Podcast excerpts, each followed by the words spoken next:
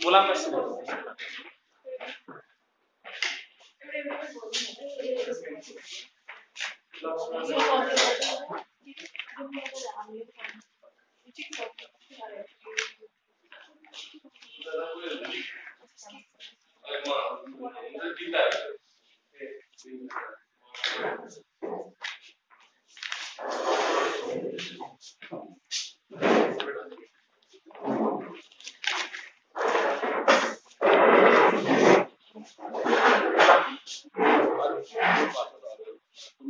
हजुर अब हामी पार्टिसिपेट मात्रै छौँ अरूहरूको के के के के यसो भए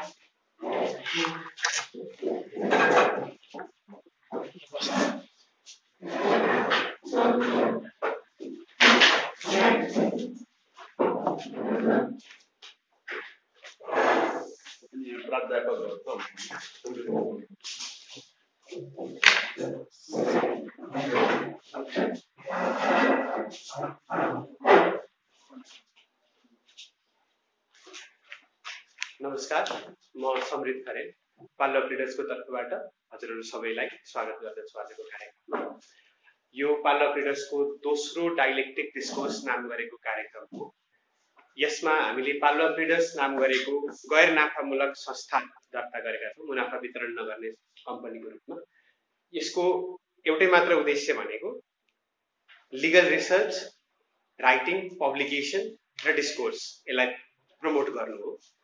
त्यसकै सिलसिलामा हामीले पहिलो कार्यक्रमको रूपमा बिटकोइन सिन इन नेपाल भनेर क्रिप्टो करेन्सीको लिगालिटीको बारेमा जुन अहिले डिबेट छ नेपालमा मुद्दा पनि चलिरहेको छ तर लिगल सिनमा जुन डिबेट छ त्यसको बारेमा डिस्कस गऱ्यौँ दोस्रो एपिसोडको रूपमा आज हामी मुलुकी ऐन दुई हजार बिस जसलाई आम मानिसको संविधान भन्थ्यौँ हामी जो लामो समयसम्म आधा शताब्दी नै हामीसँग रह्यो। त्यसको सुरुवाती अवस्थादेखि कसरी जारी हुँदा कस्तो थियो र त्यसमा बार बार जुन संशोधन भए मुख्य संशोधन मुलुकी ऐन संशोधन र अन्य केही नेपाल कानुन संशोधन ऐनहरू मार्फत भएका संशोधनहरूले कस्ता कस्ता परिवर्तन ल्याए र ती परिवर्तनले कानुनी मात्र नभएर सामाजिक परिवर्तन के के भयो भन्ने विषयमा छलफल गर्नेछौँ।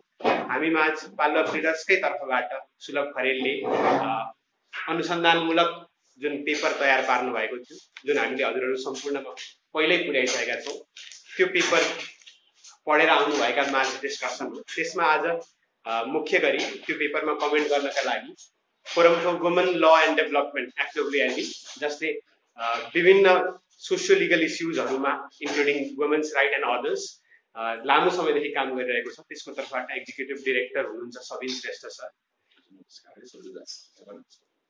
त्यसै गरी मुलुकी ऐन मात्र नभएर नेपालको इन्टायर लिगल सिस्टमकै विज्ञका रूपमा हामीसँग श्रीमान ज्ञानेन्द्र बहादुर श्रेष्ठ हुनुहुन्छ। हामीले यति भए पछाडि मुलुकी ऐनलाई राम्रैसँग कभर गर्छौँ भन्ने हामी कन्फिडेन्सका साथ बसेका छौँ। हामीले पार्टिसिपेन्टहरूलाई पहिल्यै बाचा गरे अनुसार हामीसँग अरू पनि गेस्टहरू हुनुहुने थियो जस्तै हामीसँग सर्वोच्च अदालतका मान्य न्यायाधीश हरि फुयाल आउनुहुने थियो तर उहाँलाई भाइरल फिभरले पक्रि गयो। यो त्यसैले उहाँ उपस्थित हुन सक्नु भएन त्यसै गरी हामीसँग वरिष्ठ अधिवक्ता लव कुमार मैनाली सर पनि उपस्थित हुने कुरा थियो तर उहाँको पारिवारिक अडचन उहाँको नजिकको नातेदारको दुर्घटना भएको हुनाले उहाँ पनि आउन सक्नु भएन। त्यसैले हामी क्षमा प्रार्थी छौँ। हामीले बाचा गरेको कुरा गर्न नसकेकोमा तथापि हामीसँग सबिन सर र ज्ञानेन्द्र श्रीमान विशेष गरी भए पछाडि मुलुकी हामीले कभर नगर्ने च्याप्टर बाँकी नरहला भन्ने विश्वासका साथ यो कार्यक्रम सुरु गर्दैछौँ। यो कार्यक्रमको मोडालिटी कस्तो हुनेछ भने बिचबिचमा म हजुरहरूलाई डिस्टर्ब गर्ने छुइनँ। यो फ्लोरको डिस्को डिस्कोर्सलाई बिचमा म उठेर बोलेर अप्ठ्यारो पार्ने छुइनँ। सुरुमा सुलभ खरेलबाट लगभग बिस मिनटको बिचमा आफ्नो पेपरका विशेष प्रेजेन्टेसनहरू उहाँले के के रिसर्च प्रेजेन्ट गर्नुहुनेछ त्यस लगत्तै सबिन सरले आफ्नो तर्फबाट कमेन्ट्री राख्नुहुनेछ। र सबिन सर पश्चात लगत्तै ज्ञानेन्द्र श्रीमानबाट पनि हामीले कमेन्ट सुन्नेछौँ। त्यस पश्चात फ्लोरबाट डिस्कसन सुरु हुनेछ। तर हामीले एउटा विशेष व्यवस्था के गरेका छौँ भने फ्लोरबाट पार्टिसिपेन्टले उठेर आफैले ओरल्ली प्रश्न गर्ने भन्दा त्यसमा समय धेरै खेर नजाओस् भनेर उहाँहरूले लिखित रूपमा त्यो पेपर पढेर आइसक्नु भएको हुनाले र यहाँ सुन्दै गर्दा आएका जिज्ञासाहरू लेखेर पास गरिदिनु भएमा आफ्नो नामसहित हजुरहरूका ती सबै जिज्ञासा र ती सबै कुराहरू हामी सम्बोधन चाहिँ गर्नेछौँ तर लिखित रूपमा दिनु हुन अनुरोध छ। यस का यो कार्यक्रमलाई आजको कार्यक्रमलाई सुप्रभात कानुनी सेवा सदनले र अधिवक्ता मिरा कुमारी ढुङ्गानाले विशेष रूपमा सहायता गर्नुभएको छ। साथै हामीले यो डिस्कसन चाहिँ यहाँ थोरै मान्छे आए पनि यो चाहिँ सधैँलाई रेकर्ड रहोस् र सबैले हेर्न सकुन् भनेर यसलाई रेकर्ड गरेर युट्युब लगायत हाम्रो वेबसाइट पछि जुन बन्दैछ त्यसमा पनि राख्नेछौँ बिस्तारै यसलाई अनि ट्रान्सक्राइब पनि गरेर पब्लिस पनि गर्नेछौँ। त्यसैले आज हामीसँग यो रेकर्डिङ लगायत मिडिया पार्टनरको रूपमा सपोर्ट गर्न लेक्स नेपाल हुनुहुन्छ। लेक्स नेपाललाई पनि धेरै धेरै धन्यवाद छ। अब यो कार्यक्रम म सुरुवात गरिदिनका लागि पेपर प्रेजेन्टर ज्यू सुलभ खरेललाई अनुरोध गर्दछु र त्यस लगत्तै नै सबिन सर र ज्ञानेन्द्र सिमनबाट लगालग आफ्ना अभिव्यक्तिहरू राखिदिनुहुनेछ भन्ने अनुरोध गर्दछु। धन्यवाद।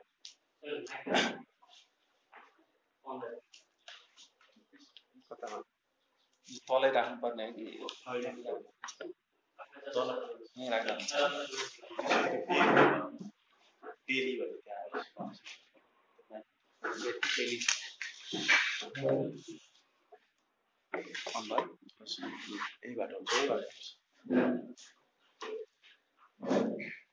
थ्याङ्क यू एभ्री वान श्रीमान अनि सर ल आजको म आजको पेपर प्रेजेन्टेसनमा सुरु गर्छु। हामीले मुलुक एन दुई हजार बिसको बारेमा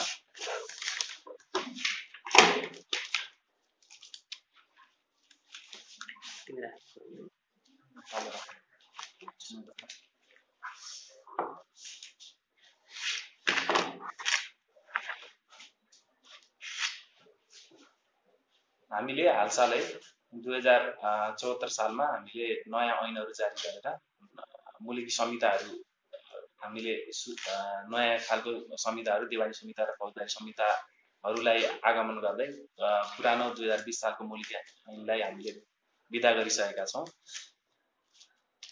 उन्नाइस सय दसको मुलुकी ऐन जुन हामीले श्री तिन जङ्गबहादुर राणा हाम्रा त्यतिखेरका प्रधानमन्त्री बेलायत सँगसँगै फ्रान्सको भ्रमण भ्रमणमा गएको अवस्थामा उहाँले अठार सय पचास एकाउन्न सालतिर जाँदै गर्दाखेरि उहाँको भ्रमण यस विषयमा इन्ट्रेस्ट विशेष थियो कि उहाँको भ्रमण संसारको दुईवटा दुई खालको कानुनी धारमा भयो। एउटा बेलायतमा त्यो चाहिँ कमन लको उत्पत्ति स्थल थियो भने अर्को फ्रान्स जुन चाहिँ सिभिल लको उत्पत्ति स्थल थियो। अब फ्रान्समा के भइरहेको थियो भन्दाखेरि जस्टिनियन कोडबाट इन्फ्लुएन्स भएर नेपोलियनले फ्रेन्च कोड चाहिँ त्यहाँ जारी गरेका थिए। अब फ्रान्सले जारी उन्नाइस सय एटिन हन्ड्रेड फोरमा चाहिँ उसको आफ्नो कोड जारी गर्यो। हामीले चाहिँ नेपालबाट एटिन फिफ्टी एटिन फिफ्टी वानमा चाहिँ प्राइम मिनिस्टर गइसकेपछि हामीले एटिन फिफ्टी फोरमा तिन वर्षको अन्तरालमा चाहिँ हामीले उन्नाइस सय दसको ऐन जारी गर्यो। अब इन्ट्रेस्टिङ के रह्यो भन्दाखेरि मुलुक जारी गर्ने कि नगर्ने भन्ने विषयमा चाहिँ अब हामी हामीले यहाँ जारी गर्दा पनि उसको छिमेकी राष्ट्र क्रुसे क्रुसिया जसलाई हामीले तत्कालीन जर्मनी भनेर भन्छौँ त्यो जर्मनीमा एउटा डिबेट चाहिँ के थियो भने उनीहरूले पनि फ्रान्सको जस्तो नक्कल गरेर कोडिफाइड लजहरूलाई चाहिँ संहिताबद्ध गर्ने कि नगर्ने। त्यस विषयमा त्यहाँका प्रोफेसर स्याबिग्नी भनेर जसलाई हामीले हिस्टोरिकल स्कुल अफ लका इमिनेन्ट रिसर्चर भनेर पनि भन्छौँ उनले के भन्नुभयो भन्दाखेरि जर्मनीको त आफ्नै प्रथाजन्य कानुनहरू छन् त्यही भएर हामीले यसलाई कोडिफाई चाहिँ नगरौँ। किन भन्दाखेरि ल भने त पिपुल्सको स्प्रिटबाट आउँछ। त्यही भएर भोल्जेस थ्योरीलाई चाहिँ हामीले अवलम्बन गरेर हामीले ललाई कोडिफाई चाहिँ गर्नु हुँदैन भनेर चाहिँ जर्मनीमा त्यसरी कुराहरू उठ्यो। त्यस उहाँले त्यस्तो कुरा गर्नुभयो। तर उहाँको अपोनेन्ट चाहिँ थिबौट भन्ने एकजना त्यहाँको सिभिल लको प्रोफेसरले के भन्नुहुन्थ्यो भन्दाखेरि होइन हामीले नि फ्रान्सले जस्तो कोडिफाई गर्नुपर्छ भन्ने चाहिँ उहाँको त्यस्तो तर्क थियो। अब छिमेकी देशमा त्यस्तो डिबेट हुँदै गर्दा हामी यति सात समुद्र पारेको देशले यति तदारुकताका साथ हामीले संहिता जारी गर्नु यो आफैमा विशेष थियो है? अनि अर्को इन्ट्रेस्टिङ कुरा के छ भन्दाखेरि उनीहरूले जर्मन्सहरूले जुन कोड उनीहरूले लगभग उनीहरूले नाइन्टिन हन्ड्रेडमा जुन जारी गरेर लागू गरे त्यो भनेको हामी पछि पनि पचास वर्ष पछि छ। हेर्नुहोस् है हामीले फ्रेन्च लिगल सिस्टमलाई एक हिसाबले पूर्ण रूपमा हामीले आफ्नो आत्मसात चाहिँ गरेको होइन। किन भन्दाखेरि स्याबिग्नीको कुरा चाहिँ हाम्रो लिगल सिस्टम हाम्रो उन्नाइस सय दसको मुलुक ऐनमा भेट्न सक्छ त्यो भन्न खोजेको के भन्दाखेरि स्याबिग्नीले चाहिँ आफ्ना कस्टमरिज लजहरूलाई चाहिँ कोडिफाई नगरौँ भन्नुभयो। तर हाम्रो उन्नाइस सय दसको मुलुक ऐनमा विशेष व्यवस्था चाहिँ के छ भन्दाखेरि हाम्रा कस्टमरी लजहरू हामीले कोडिफाई गर्ने भनेको जर्मनमा स्याबिग्नीले चाहेको कुरा उनले भन्दा पहिला हाम्रो जङ्गबहादुर राणाले हामीले अथवा हामी नेपालीहरूले त्यो चाहिँ बनायो। अब जसको के देख्न सक्छौँ भन्दाखेरि हामीले कमरा कमरीको बेच्नेको महल देख्न सक्छौँ। होला that might not be in context with the अथवा चाहिँ त्यो ह्युमन राइट पर्सपेक्टिभबाट नहुन सक्ला। सतीजनाको महल हाम्रै कस्टमरी लजहरू थिए होइन? खुर्सानीको महल जस्ता इन्ट्रेस्टिङ महलहरू पनि अब त्यसमा हामीले देख्न सक्छौँ। त्यसले के देखाउँछ भन्दाखेरि हाम्रा कस्टमरी लजहरू चाहिँ हामीले त्यो सेभेनिको फिलोसफीबाट इन्कर्पोरेट भएर हामीले यहाँ ल्याइसकेका थियौँ। है एउटा पोइन्ट चाहिँ मैले राख्न खोजेको कुरा चाहिँ त्यो। अब अर्को कुरा म ट्वेन्टी ट्वेन्टीको मुलुक ज्ञानमा अब छिर्दै गर्दा एउटा कुरा चाहिँ के भन्न चाहेँ भन्दाखेरि संसारमा एउटा दुईवटा जुरिस्टुडेन्सियल डिबेट के पनि छ भन्दाखेरि कानुनले समाजलाई लिड गर्ने कि समाजले कानुनलाई लिड गर्ने है? अब जसले समाजले कानुनलाई लिड गर्नुपर्छ समाज चाहिँ अगाडि जानुपर्छ कानुन चाहिँ पछि पछि फलो गर्दै आउनुपर्छ भन्ने एउटा धारका व्यक्ति भनेको जुन अघि हामीले स्याबिकीको कुरा गरौँ जसले कस्टमरी लजहरू समाजमा बन्छन् त्यसलाई चाहिँ त्यसले चाहिँ कानुनलाई चाहिँ निर्देश गर्दै जानुपर्छ भन्ने खालको भ्युजहरू छ। अर्को भ्युजहरू चाहिँ लले सोसाइटीलाई गभर्न गर्नुपर्छ ल सुड फिक्स अ डिटरमाइन्ड नर्म। एउटा नर्म बनाउनुपर्छ त्यो नर्मको आधारमा चाहिँ सोसाइटी अगाडि जानुपर्छ भन्ने अर्को भ्यू छ। जसलाई चाहिँ बेन्थम भनेर हामीले जुन भन्छौँ स्कलर ती बेन्थमको बेन्थमाइट थ्योरीले अथवा फिलोसफीले भन्छ। Law should be a determined agent है। लले सोसाइटीलाई चलाउनुपर्छ। अब हामीले उन्नाइस सय दसको मुलुकीमा हेऱ्यौँ भने बढीभन्दा बढी कसको इन्फ्लुएन्स देख्न सक्ने भयो? अफकोर्स स्याबिगनीको देख्न सक्छौँ किन भन्दाखेरि हाम्रा कस्टमरी लजहरू बढी छन्। तर दुई हजार बिस सालको मुलुकीमा हेऱ्यौँ भने हामीले के देख्न सक्छौँ भन्दाखेरि हो अभियसली स्याबिगनीको पर्सपेक्टिभ त छँदैछ तर बढीभन्दा बढी कसको इन्फ्लुएन्स बढ्ने भयो बेन्थमाइटको किन भन्दाखेरि उनले चाहिँ पहिला ल बन्नु पऱ्यो लले सोसाइटीलाई रेगुलेट गर्यो जसको इक्जाम्पल चाहिँ के हुनसक्छ भन्दाखेरि हामीले प्रथा जान्ने कानुनको रूपमा हामीले स्वीकार गर्नु सेभिगनिज एप्रोच तर हामीले बहु विवाहलाई ऐन जारी हुँदा नै हामीले फर्स्ट एटेम्पमै त्यसलाई चाहिँ हामीले अपराधको रूपमा चाहिँ स्वीकार्यो। जसमा हाम्रो कानुनले के भन्थ्यो भन्दाखेरि सात दिनसम्म कैद हेर्नुहोस् है दुई हजार बिस सालमा मुलुकिन आउँदै गर्दाखेरि सात दिनसम्म कैद वा रु पचास रुपियाँसम्म जरिवाना। भन्ने व्यवस्था थियो हाम्रो कानुनमा। भनेको त्यसरी पोलिगेमस म्यारिजलाई चाहिँ हामीले रिस्ट्रिक्ट गरौँ। अलि पछि भएका संशोधनहरूले म्याराइटल रेपहरूलाई चाहिँ इन्कर्पोरेट गऱ्यौँ जुन चाहिँ अब अनि त्यसै गरेर हाम्रो जारीको महल पनि पछि गएर हाम्रो एमेन्डमेन्ट भएर त्यसलाई खारेज गरौँ। मर्दका सातौडी भन्ने जुन सामाजिक परिवेश थियो त्यसमा चाहिँ चेन्ज भएर बहुविवाहलाई अपराधीकरण गर्नु मेराइटल रेपहरू जस्ता कन्सेप्टहरू लिएर आउनु भनेको चाहिँ एउटा बेन्थमाइट फिलोसफी जसले चाहिँ सोसाइटी पछाडि भए पनि हामीले चाहिँ ललाई अगाडि लगेर सोसाइटीले चाहिँ डोराउनु पर्छ पछि भएका संशोधनहरूले बहुविवाहमा पनि पनिसमेन्टलाई इन्क्रिज गर्दै गर्दै अब वर्षौँसम्म सजाय गर्न सक्ने व्यवस्था पनि त्यसरी लिएर आएको थियो। है त्यही भएर हाम्रो अहिलेको मुलुकीमा चाहिँ बढीभन्दा बढी बेन्थामाइट एप्रोच चाहिँ हामीले देख्न सक्छौँ। एउटा एकाडेमिक रिसर्चको रूपमा भन्नुपर्ने। अब अर्को भनेको चाहिँ हामीले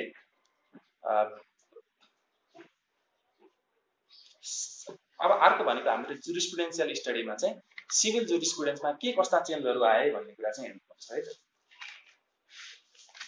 सिभिल जुरिस्पुडेन्समा सबैभन्दा बढी योगदान आएको भनेको जेन्डर जस्टिसमा किन भन्दाखेरि हामीले हाम्रो पौराणिक हिन्दू लिगल सिस्टमबाट इन्फ्लुएन्स भएको समाजमा छोरीले अंश दिन सक्ने भन्ने व्यवस्था थिएन डिभोर्स पनि पारपक्षीय सम्बन्धी व्यवस्था पनि आंशिक रूपमा भए पनि त्यसलाई ह्युमन राइट पर्सपेक्टिभबाट हामीले त्यसलाई देख्न सकेका थिएनौँ। ती लगायतका कुराहरू कसरी आयो भन्ने कुरा म छोटोमा राख्छु मुलुकियन दुई हजार बिसको प्रारम्भ हुँदाखेरि एउटा इन्ट्रेस्टिङ कुरा चाहिँ के छ भन्दाखेरि छोरीहरूलाई हामीले कहिले पनि अंशियारको रूपमा चाहिँ एज अ बर्थ राइट चाहिँ उनीहरूकोलाई हामीले स्वीकारेनौँ। उनीहरूलाई हामीले एउटा कन्डिसन चाहिँ के राख्यौँ भन्दाखेरि अंशबन्डाको सोह्र नम्बरमा पैँतिस वर्ष नागेकी छोरीलाई अविवाहित रहेको खण्डमा मात्रै हामीले तिमीलाई अंश दिन्छौँ छोरी भनेर चाहिँ हामीले भन्यौँ। विवाहित छोरीले पनि पाउँदैनौँ तिमी पैँतिस वर्षभन्दा कमी छौ भन्ने पनि पाउँदैनौ भनेर हामी चाहिँ आउँछ भन्दाको स्वर नम्बरमा त्यसरी व्यवस्था गऱ्यौँ पछि गएर हामीले छैटौँ संशोधन मुलुक ज्ञानको छैटौँ संशोधनले के व्यवस्था गर्यो भन्दाखेरि तिमी पैँतिस वर्ष नै हुनुपर्छ तर तिमीले पैँतिस वर्ष हुँदै गर्दाखेरि तिमीले पहिलाको कानुनमा के व्यवस्था थियो भन्दाखेरि छो छोराले पाउने सम्पत्तिको आधा भन्ने व्यवस्था थियो। पैँतिस वर्ष भएपछि पाउन पनि छोराले पाउने सम्पत्तिको आधा भन्ने। त्यो अब नाइन्टिन सेभेन्टी फाइभ जुन हामीले सिक्स एमेन्डमेन्ट गर्दैछौँ त्यतिखेर चाहिँ संसारभरि वुमेन्स इयरको रूपमा सेलिब्रेट हुँदै गर्दाखेरि अलिकति राम्रो पक्ष के आइदियो भन्दाखेरि त्यो आधा आउँछ भन्ने हट। तर पनि उनीहरूले पूर्ण रूपमा पाएका थिएनन् भनेको छोरा सर पाउँछौ आधा होइन कि छोरा सर पाउँछौ तर त्यसको लागि चाहिँ तिमी थर्टी फाइभ प्लस चाहिँ हुनु पर्यो त्यसपछि हामीले दुई हजार सत्तालिस सालको संविधान जारी गर्यौँ देशमा प्रजातन्त्र रिस्टोरेसन भयो त्यसपछि हामीले मिराको मारी ढुङ्गानाको एउटा फेमस मुद्दा हामीले थाहा छँदैछ। उहाँले के क्लेम लिनुभयो भन्दाखेरि छोरीलाई पनि अंश चाहियो भन्ने क्लेम लिनु त्यसपछि मुलुकी एघारौँ संशोधनले मुलुकी ऐनको पहिलो एक नम्बरमा संशोधन गरेर के ल्यायो भन्दाखेरि व्यवस्था अंशबन्डा गर्दाखेरि छोरी भन्ने शब्द पनि थप्यो जुन लोग्ने स्वास्ने बाबु आमा श्रीमान श्रीमती र छोरी भन्ने पनि शब्द थप्यो। तर इन्ट्रेस्टिङली के गरियो भन्दाखेरि त्यो छोरीलाई सम्पत्ति नदिनको लागि भनेर एकको प थप गरियो जसले चाहिँ विवाहित छोरीले अंश नदिने भन्यो। र जुन अघिको सोह्र नम्बर थियो नि त्यसमा पनि संशोधन गरेर के लेखियो भन्दाखेरि विवाह गरेर जाने बेलामा छोरीले उनीहरूले चाहिँ आफ्नो सम्पत्ति जुन बाँकी रहेको पाइ बाँकी रहेको सम्पत्ति चाहिँ ऊ चाहिँ माइतीलाई दिनुपर्छ भनेपछि नयाँ खालको जुर स्टुडेन्ट्स के आयो भन्दाखेरि जन्मजात छोरी अंशिया त हुने सम्पत्तिमा तर विवाह गर्दा दिनुपर्ने भन्ने चाहिँ एउटा खालको त्यस्तो खालको जुर स्टुडेन्ट चाहिँ हामीले डेभलप गऱ्यौँ है त्यसको विरुद्धमा पनि मुद्दा पर्यो। अधिवक्ता प्रकाशमणि शर्माले पनि मुद्दा हाल्नुभयो। एकको क खारेज गरिपाउँ सोह्र खारेज गरिपाउँ भन्दाखेरि एकको कलाई खारिज न एकको कको खारिजीमा सर्वोच्च अदालतले केही पनि बोल्दैन तर सोह्र नम्बरको लागि चाहिँ पुरा पुनर्विचार गर्नु भनेर चाहिँ अदालतले आदेश दिन्छ। त्यसपछि दुई हजार त्रिसठी सालको हामीले अन्तरिम संविधान जारी गर्छौँ त्यसपछि बल्ल अंशबन्डाको सोह्र नम्बर खारिज हुन्छ जुन भनेको जन्मजात छोरी अंशियार हुने तर बिहा गर्दाखेरि दिनुपर्ने भन्ने कुरा चाहिँ त्यसपछि हट्यो। तर स्टिल ह्याड एकको क अंशबन्डाको एकको क थियो जसले के भन्थ्यो भन्दाखेरि विवाहित छोरीले अंश अंश चाहिँ पाउँदैनौ विवाह गरेर गइसकेपछि तिमी त अर्काको घरको भयो त्यही भएर तिमीले पाउँदैनौ भनेर भन्थ्यो। त्यो चाहिँ पनि हामीले दुई हजार बहत्तर सालमा संविधान जारी गरिसकेपछि लैङ्गिक समानता कायम गर्ने ऐनले चाहिँ त्यसलाई हामीले खारेज गरेपछि पूर्ण रूपमा विवाहित छोरीले पनि अंश पाउने भन्ने व्यवस्था चाहिँ त्यहाँबाट इन्कर्पोरेट गरे है। एउटा कुरा चाहिँ त्यो। अर्को मुलिकी ऐनको सिक्स एमेन्डमेन्टले अर्को ल्याएको व्यवस्था भनेको चाहिँ के थियो भन्दाखेरि पन्ध्र वर्ष विवाह गरेको पन्ध्र वर्ष भइसकेको र पैँतिस वर्ष पैँतिस वर्ष एज कटिसकेको र पन्ध्र वर्ष विवाह भइसकेकोलाई चाहिँ तिमी पनि छुट्टिएर अंश अंश लिएर छुट्टिएर बस्न सक्छौ भनेर चाहिँ श्रीमतीलाई अधिकार दिन्छ।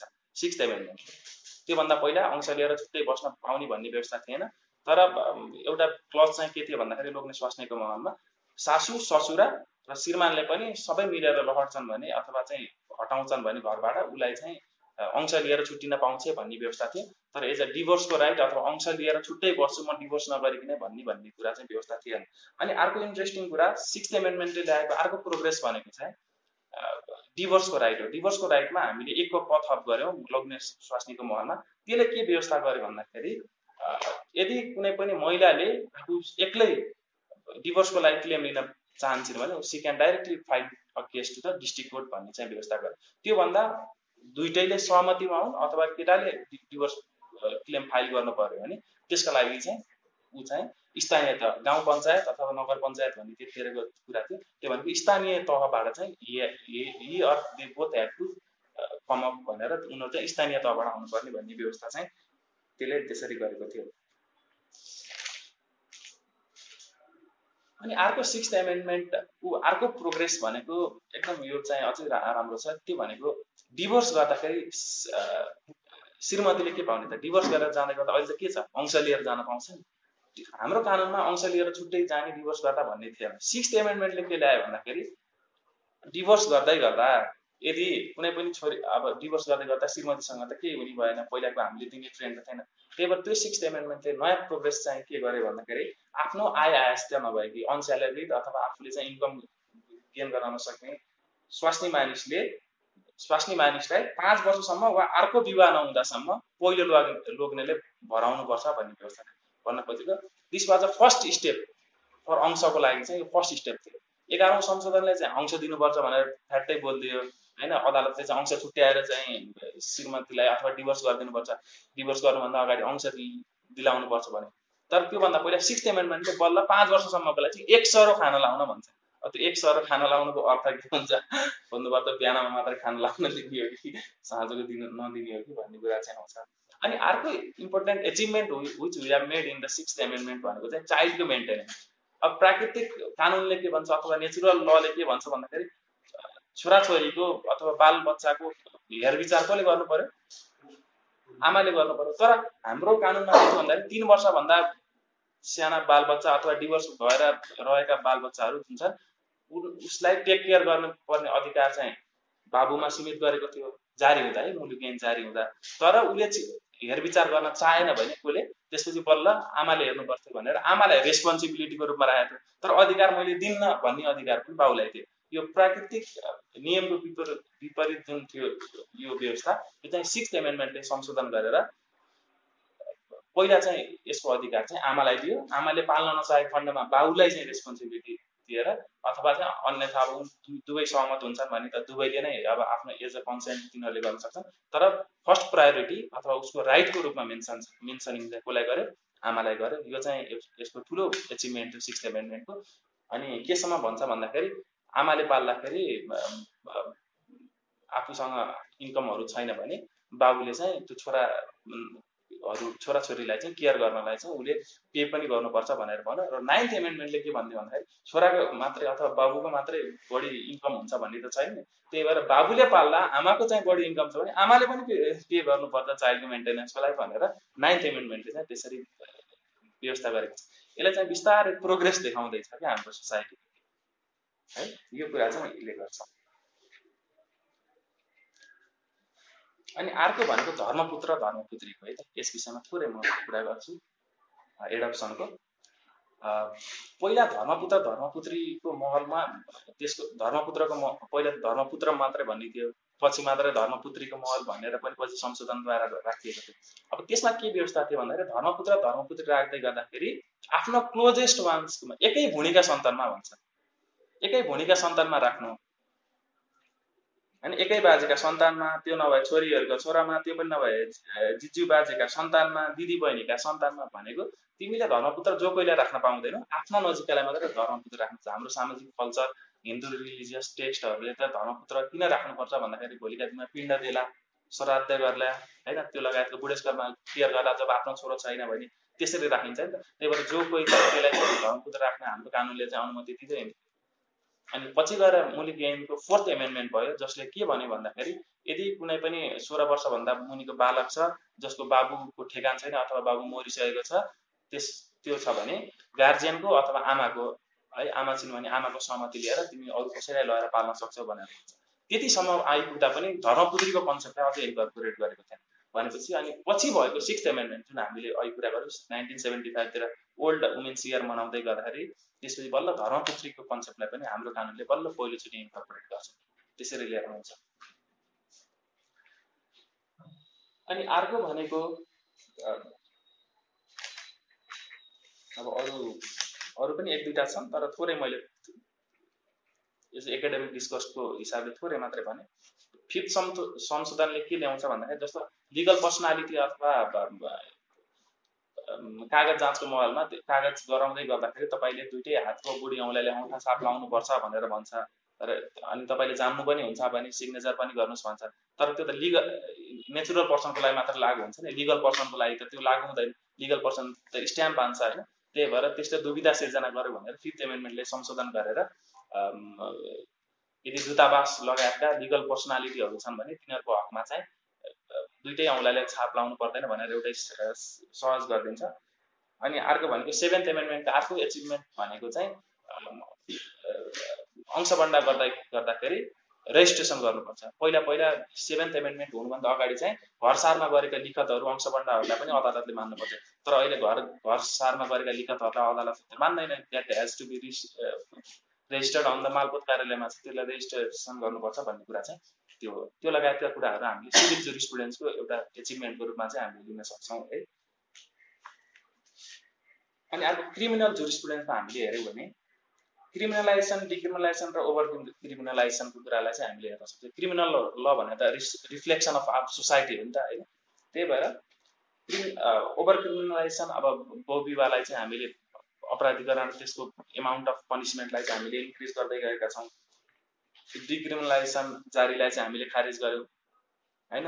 यी लगायतका कुराहरूले चाहिँ यो सबै कुराहरूलाई चाहिँ हाम्रो समेटिएको छ भनेर देखाउँछ र अब अरू मैले के नयाँ कुराहरू भन्छु। हाम्रो संहिता अथवा चाहिँ हाम्रो मूल ज्ञान दुई हजार बिसले क्रिमिनलाइजेसन डिक्रिमिनलाइजेसन र ओभर क्रिमिनलाइजेसन मात्रै नसमेटेर यसले केसम्म समा समेट्यो भन्दाखेरि डेफिनेसन अफ क्राइममा पनि चेन्ज ल्याएको छ भन्न खोजेको पहिला जुन हामीले जारी गर्दाको अवस्थामा क्राइम भनेको के हुन्छ भनेर कुनै एउटा क्राइमलाई डिफाइन गरेका छौँ भने पछिका सब्सिक्वेन्ट एमेन्डमेन्टहरूले त्यो क्राइमको एलिमेन्ट नै चेन्ज गरिदिएको छ। जसको पर्फेक्ट इक्जाम्पल भनेको जारी। पहिला हामीले जारीलाई एडिट अहिले इन्डियामा छ नि जोसेफ साइनको मुद्दामा जुन फोर नाइन्टी सेभेन हामीले अनकन्स्टिट्युसनल भन्यो नि सर्वोच्च अदालत इन्डिया त्योसँग एडल्ट्री जुन त्यहाँको कन्सेप्ट थियो त्यहाँसँग एक हिसाबले ओभरल्याप गरिरहेको थियो। हाम्रो मुलुक ऐन जारी हुँदाको बखतमा जारीको महलमा के भन्थ्यो भन्दाखेरि यदि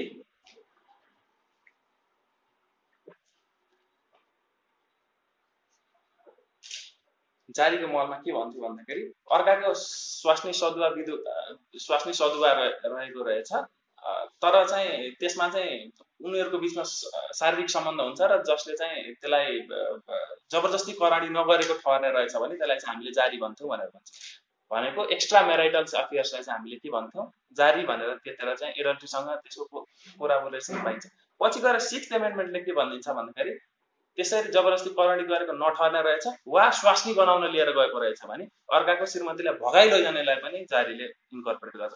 पछि गएर इलेभेन्थ एमेन्डमेन्टले चाहिँ जुन अगाडिको व्यवस्था हुन्छ त्यसलाई खारेज गरेर स्वास्नी भगाउन अथवा स्वास्नी बनाउन भगाएर लिएर गयो भने त्यसलाई जारी भन्छ भनेको हामीले इलिमेन्ट अफ क्राइम हेर्नुहोस् है डेफिनेसन अफ क्राइम पनि पहिला त्यो थियो र पछि गएर चाहिँ स्वास्नी बनाउन लिएर गएको यसले के पनि देखायो भन्दा एक्स्ट्रा मेराइटल अफेयर चाहिँ इलेभेन्थ एमेन्डमेन्ट पछि द्याट इज नट क्राइम भन्ने हिसाबले त्यसपछि गयो है? त्यसपछि पछि दुई हजार बहत्तर सालमा हामीले जारीको महल पनि खारेज गर्यो किन खारेज गर्नु पर्यो भन्दाखेरि यदि अर्काको स्वास्नी बनाउन लैजान्छ भने त्यसलाई बहुबिमा मुद्दा चलाउन सकिहालिन्छ। किन त्यसपछि हामीले जारी चाहियो भनेर त्यसरी क्राइमको डेफिनेसन पनि चेन्ज भएको पाउँछौँ। त्यसै गरेर हामीले अर्को भनेको आशय करणी है हाम्रो मुलुक ऐन जारी हुँदा आशय करणीमा के भन्थ्यो भन्दाखेरि एघार वर्ष नआएकी कुनै पनि स्त्रीलाई अर्काकी स्वास्नी छ भने पनि सेतदेखि पैतालासम्म आशयको के अरे आश करणीको आशयले उसले जहाँसुकै जुनैसुकै अङ्गमा समाते पनि त्यसलाई चाहिँ आशय करणी भनेर भन्नुहुन्थ्यो। पछि दुई हजार त्रिसठी सालमा लैङ्गिक समानता लैङ्गिक समानता सम्बन्धी केही कानुन संशोधन गर्ने ऐनले चाहिँ त्यसलाई त्यसपछि अलिक विस्तृत रूपमा डेफिनेसन दिएर अस्वाभाविक रूपमा त्यसलाई चाहिँ अलि राम्रो डेफिनेसन दिएको छ। यसरी चाहिँ जुन पहिला यो उन्नाइस सय दसको जस्तो मुलुक ऐनको जस्तो यो डेफिनेसनलाई चाहिँ एक हिसाबले चेन्ज गरेको छ है। इभन त्यही आशय गराडीको मलमै अर्को व्यवस्था भनेको चाहिँ घुर खापी सुतेको छ भने एघार वर्षभन्दा कुनै महिलालाई घुर खापी सुतेको छ भने त्यसलाई पनि जबरजस्ती कराडी छ भनेर भन्यो। त्यसलाई पनि पछि गएर हामीले संशोधन गर्दै त्यसलाई पनि त्यो त्यसलाई पनि हामीले खारेज गऱ्यौँ भनेपछि त्यो चाहिँ हुन्छ है। र अर्को कुरा भनेको चाहिँ अब नेक्स्ट मैले जुन पेपरमा लेखेको छैन यो भनेको चाहिँ rights of victims of crime है। दुई हजार बहत्तरको संविधानले त भिक्टिम अफ क्राइमलाई फन्डामेन्टल राइट्सको रूपमै व्यवस्था गरेको छ। तर यहाँ एक दुईवटा इन्ट्रेस्टिङ कुराहरू चाहिँ हाम्रो मुलुक ऐनमा छ। हाम्रो मुलुक जबरजस्ती त्यो दस नम्बरले के भन्थ्यो भन्दाखेरि सुरुमा जारी हुँदाको बखतमा चाहिँ यदि कसैले कसैलाई जबरजस्ती करणी गरेको ठहर छ भने आधा अंश सर्वस्व गरेर महिलालाई दिनुपर्छ। भनेको भिक्टिमले आधा अंश पाउने भन्ने दुई हजार त्रिसठी सालभन्दा अगाडिको व्यवस्था हो। है? अब त्यसमा चाहिँ त्यसले एउटा इम्प्लाइड रूपमा के गरिदियो भन्दाखेरि सम्पत्ति छ भने आधा चाहिँ दिनुपर्ने। त्यसले चाहिँ इन्डाइरेक्ट रूपमा त्यो भिक्टिम चाहिँ पर्पेचुएटरको श्रीमतीको रूपमा पनि स्वीकार गर्थ्यो आधा सम्पत्ति कसलाई दिन्छ श्रीमतीलाई दिने होइन छुट्टिँदै गर्दा। हो त्यसले गर्दा इन्डाइरेक्ट रूपमा त्यसरी श्रीमती बनायो भन्ने पनि एक हिसाबको डिबेटहरू भइसकेपछि पछि यसलाई संशोधन गर्नुपर्छ भनेर दुई हजार त्रिसठी सालमा हामीले मानसिक क्षतिपूर्ति दिनु। है अब शारीरिक र मानसिक पीडा भएको अवस्थालाई विचार गरेर रिजनेबल कम्पन्सेसन गर्नु। यदि आश्रित बालबालिकाहरू पनि छन् भने उनीहरूलाई पनि भरण पोषण गर्ने हिसाबले गर्नु। यदि उसको भिक्टिमको मृत्यु भइसकेको छ भने भन्ने हिसाबले चाहिँ त्यसले त्यसरी इन्कर्पोरेट गर्छ।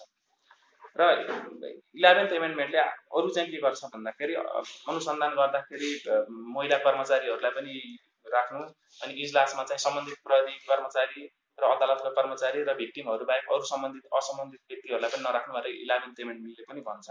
त्यो कुरा छ।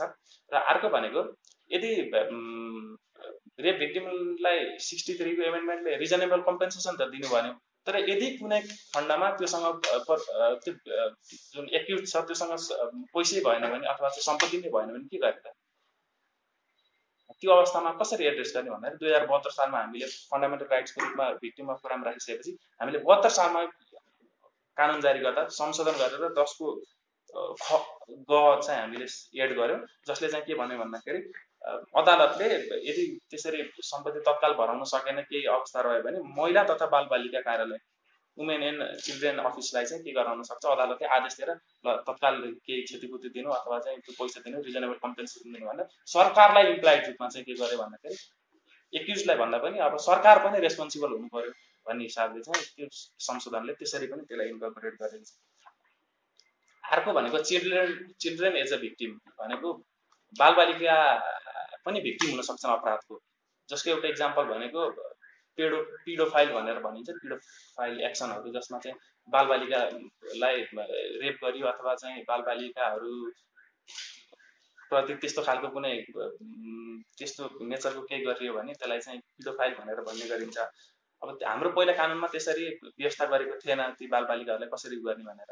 त्यसपछि इलेभेन्थ एमेन्डमेन्ट भयो जसले चाहिँ नौको क संशोधन गरेर जबरजस्ती करणीमा यदि बालबालिकाहरूलाई कसैले त्यसरी रेपहरू गऱ्यो भने त्यसलाई पिडोफाइल भनेर भन्ने र त्यसलाई पनिसमेन्ट चाहिँ हामीले यति रिगोरस राखेका थियौँ कि जबरजस्ती करणीको तिन नम्बरमा चाहिँ पनिसमेन्ट थियो कति वर्षको महिलालाई रेप गर्दा कति हुन्छ भन्ने थियो र त्यसमा एक वर्ष थप गर्ने भन्छ भनेको पिडोफाइल भनेको दस बाह्र वर्षका बालबालिका बालक बालिकाहरूलाई चाहिँ गऱ्यो भने प्लस वान इयर पनि हुन्छ भन्ने व्यवस्था गर्यो र यसले एउटा इन्ट्रेस्टिङ कुरा नेपालमा पहिलोचोटि के इन्क्लुड गर्दै भन्दाखेरि यो एमेन्डमेन्टले छोरा मान्छे पनि रेप हुनसक्छ है भन्ने कुरा। बालकै होला छोरो मान्छे पनि त भयो नि भनेर एउटा इम्प्लाइड रूपमा यो यो रिकग्निसनलाई पनि हाम्रो कानुनले चाहिँ गरेको थियो। अनि इलेभेन्थ एमेन्डमेन्टले अर्को क्रिमिनल जुरिस्प्रुडेन्समा ल्याएको योगदान भनेको गर्भवती अशक्त र अपाङ्ग महिलालाई कसैले रेप गर्छ भने त्यसलाई चाहिँ थप पाँच वर्ष एडिसनल पनिसमेन्ट हुन्छ भन्यो। अनि यसलाई फेरि इलेभेन्थ एमेन्डमेन्ट भइसकेपछि त्यसपछि फेरि बहत्तर सालमा संशोधन गरेर के गरियो भन्दाखेरि होस्टेगनमा नरहेको महिला र आफ्नो संरक्षणमा भएको महिलालाई पनि रेप गर्यो भने त्यो थप पाँच वर्ष चाहिँ पनि हुन्छ भनेर त्यहाँ यी दुईवटा क्लजहरू पनि थप्छ भनेपछि आफ्नो संरक्षणमा भएको अथवा चाहिँ होस्टेगानमा नभएको महिलालाई पनि उसले रेप गर्यो भने प्लस फाइभ इयर्स है अरू हुने पनिसमेन्टमा प्लस फाइभ इयर्स हुन्छ। अनि दुई हजार त्रिसठी सालमा भएको लैङ्गिक हिंसा सम्बन्धी ऐनले यदि आफूलाई एचआइभी एड्स लागेको छ भन्ने थाहा पाएर अरू कसैलाई जबरजस्ती गऱ्यो भने त्यसमा चाहिँ थप पनि पनिसमेन्ट हुन्छ एक वर्षसम्म भन्ने व्यवस्था चाहिँ त्यसले त्यसरी ल्याएको थियो। अर्को एक दुईवटा मेन्सन्सहरू जस्तो एभर्सनको कुरा गऱ्यौँ भने एभर्सन हाम्रो सोसाइटीमा हामीले चाहिँ एभर्सनलाई चाहिँ लिगलाइज गरेका थिएनौँ।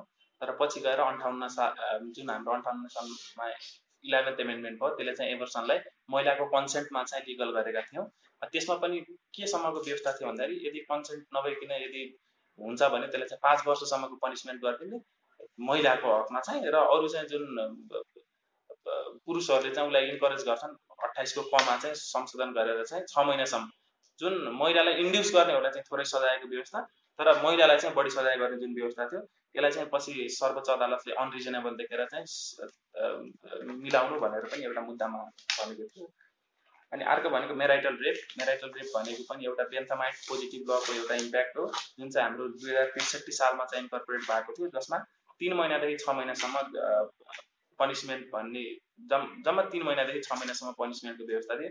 त्यो भनेको even he could come out of the jail in bail होइन बेलमै ऊ बाहिर निस्केर झन् उल्टै आफ्नो श्रीमतीलाई पिट्न सक्छ कुट्न सक्छ भन्ने कुरालाई पनि आत्मसात गर्दै जित कुमारीको मुद्दामा हुन आइगेस है। है त्यही त वैवाहिक बलात्कार र अरू बलात्कारमा भएको पनिसमेन्ट फरक भयो भन्ने हिसाबमा चाहिँ रिजनेबल बनाउनु भनेर अदालतले आदेश गरिसकेको छ हामीले पाँच वर्षसम्म तिनदेखि पाँच वर्षसम्मको लागि चाहिँ पनिसमेन्ट व्यवस्था गरेको जसले बेलेबल अफेन्स बनाएन तिन वर्षसम्मको लागि त बेलेबल हुन्थ्यो। त्यसपछि he must had to be in the jail है म खासै धेरै नबोलाउँ है। अब मैले कन्क्लुजनतिर गएँ है। एउटा क्वेसन है त।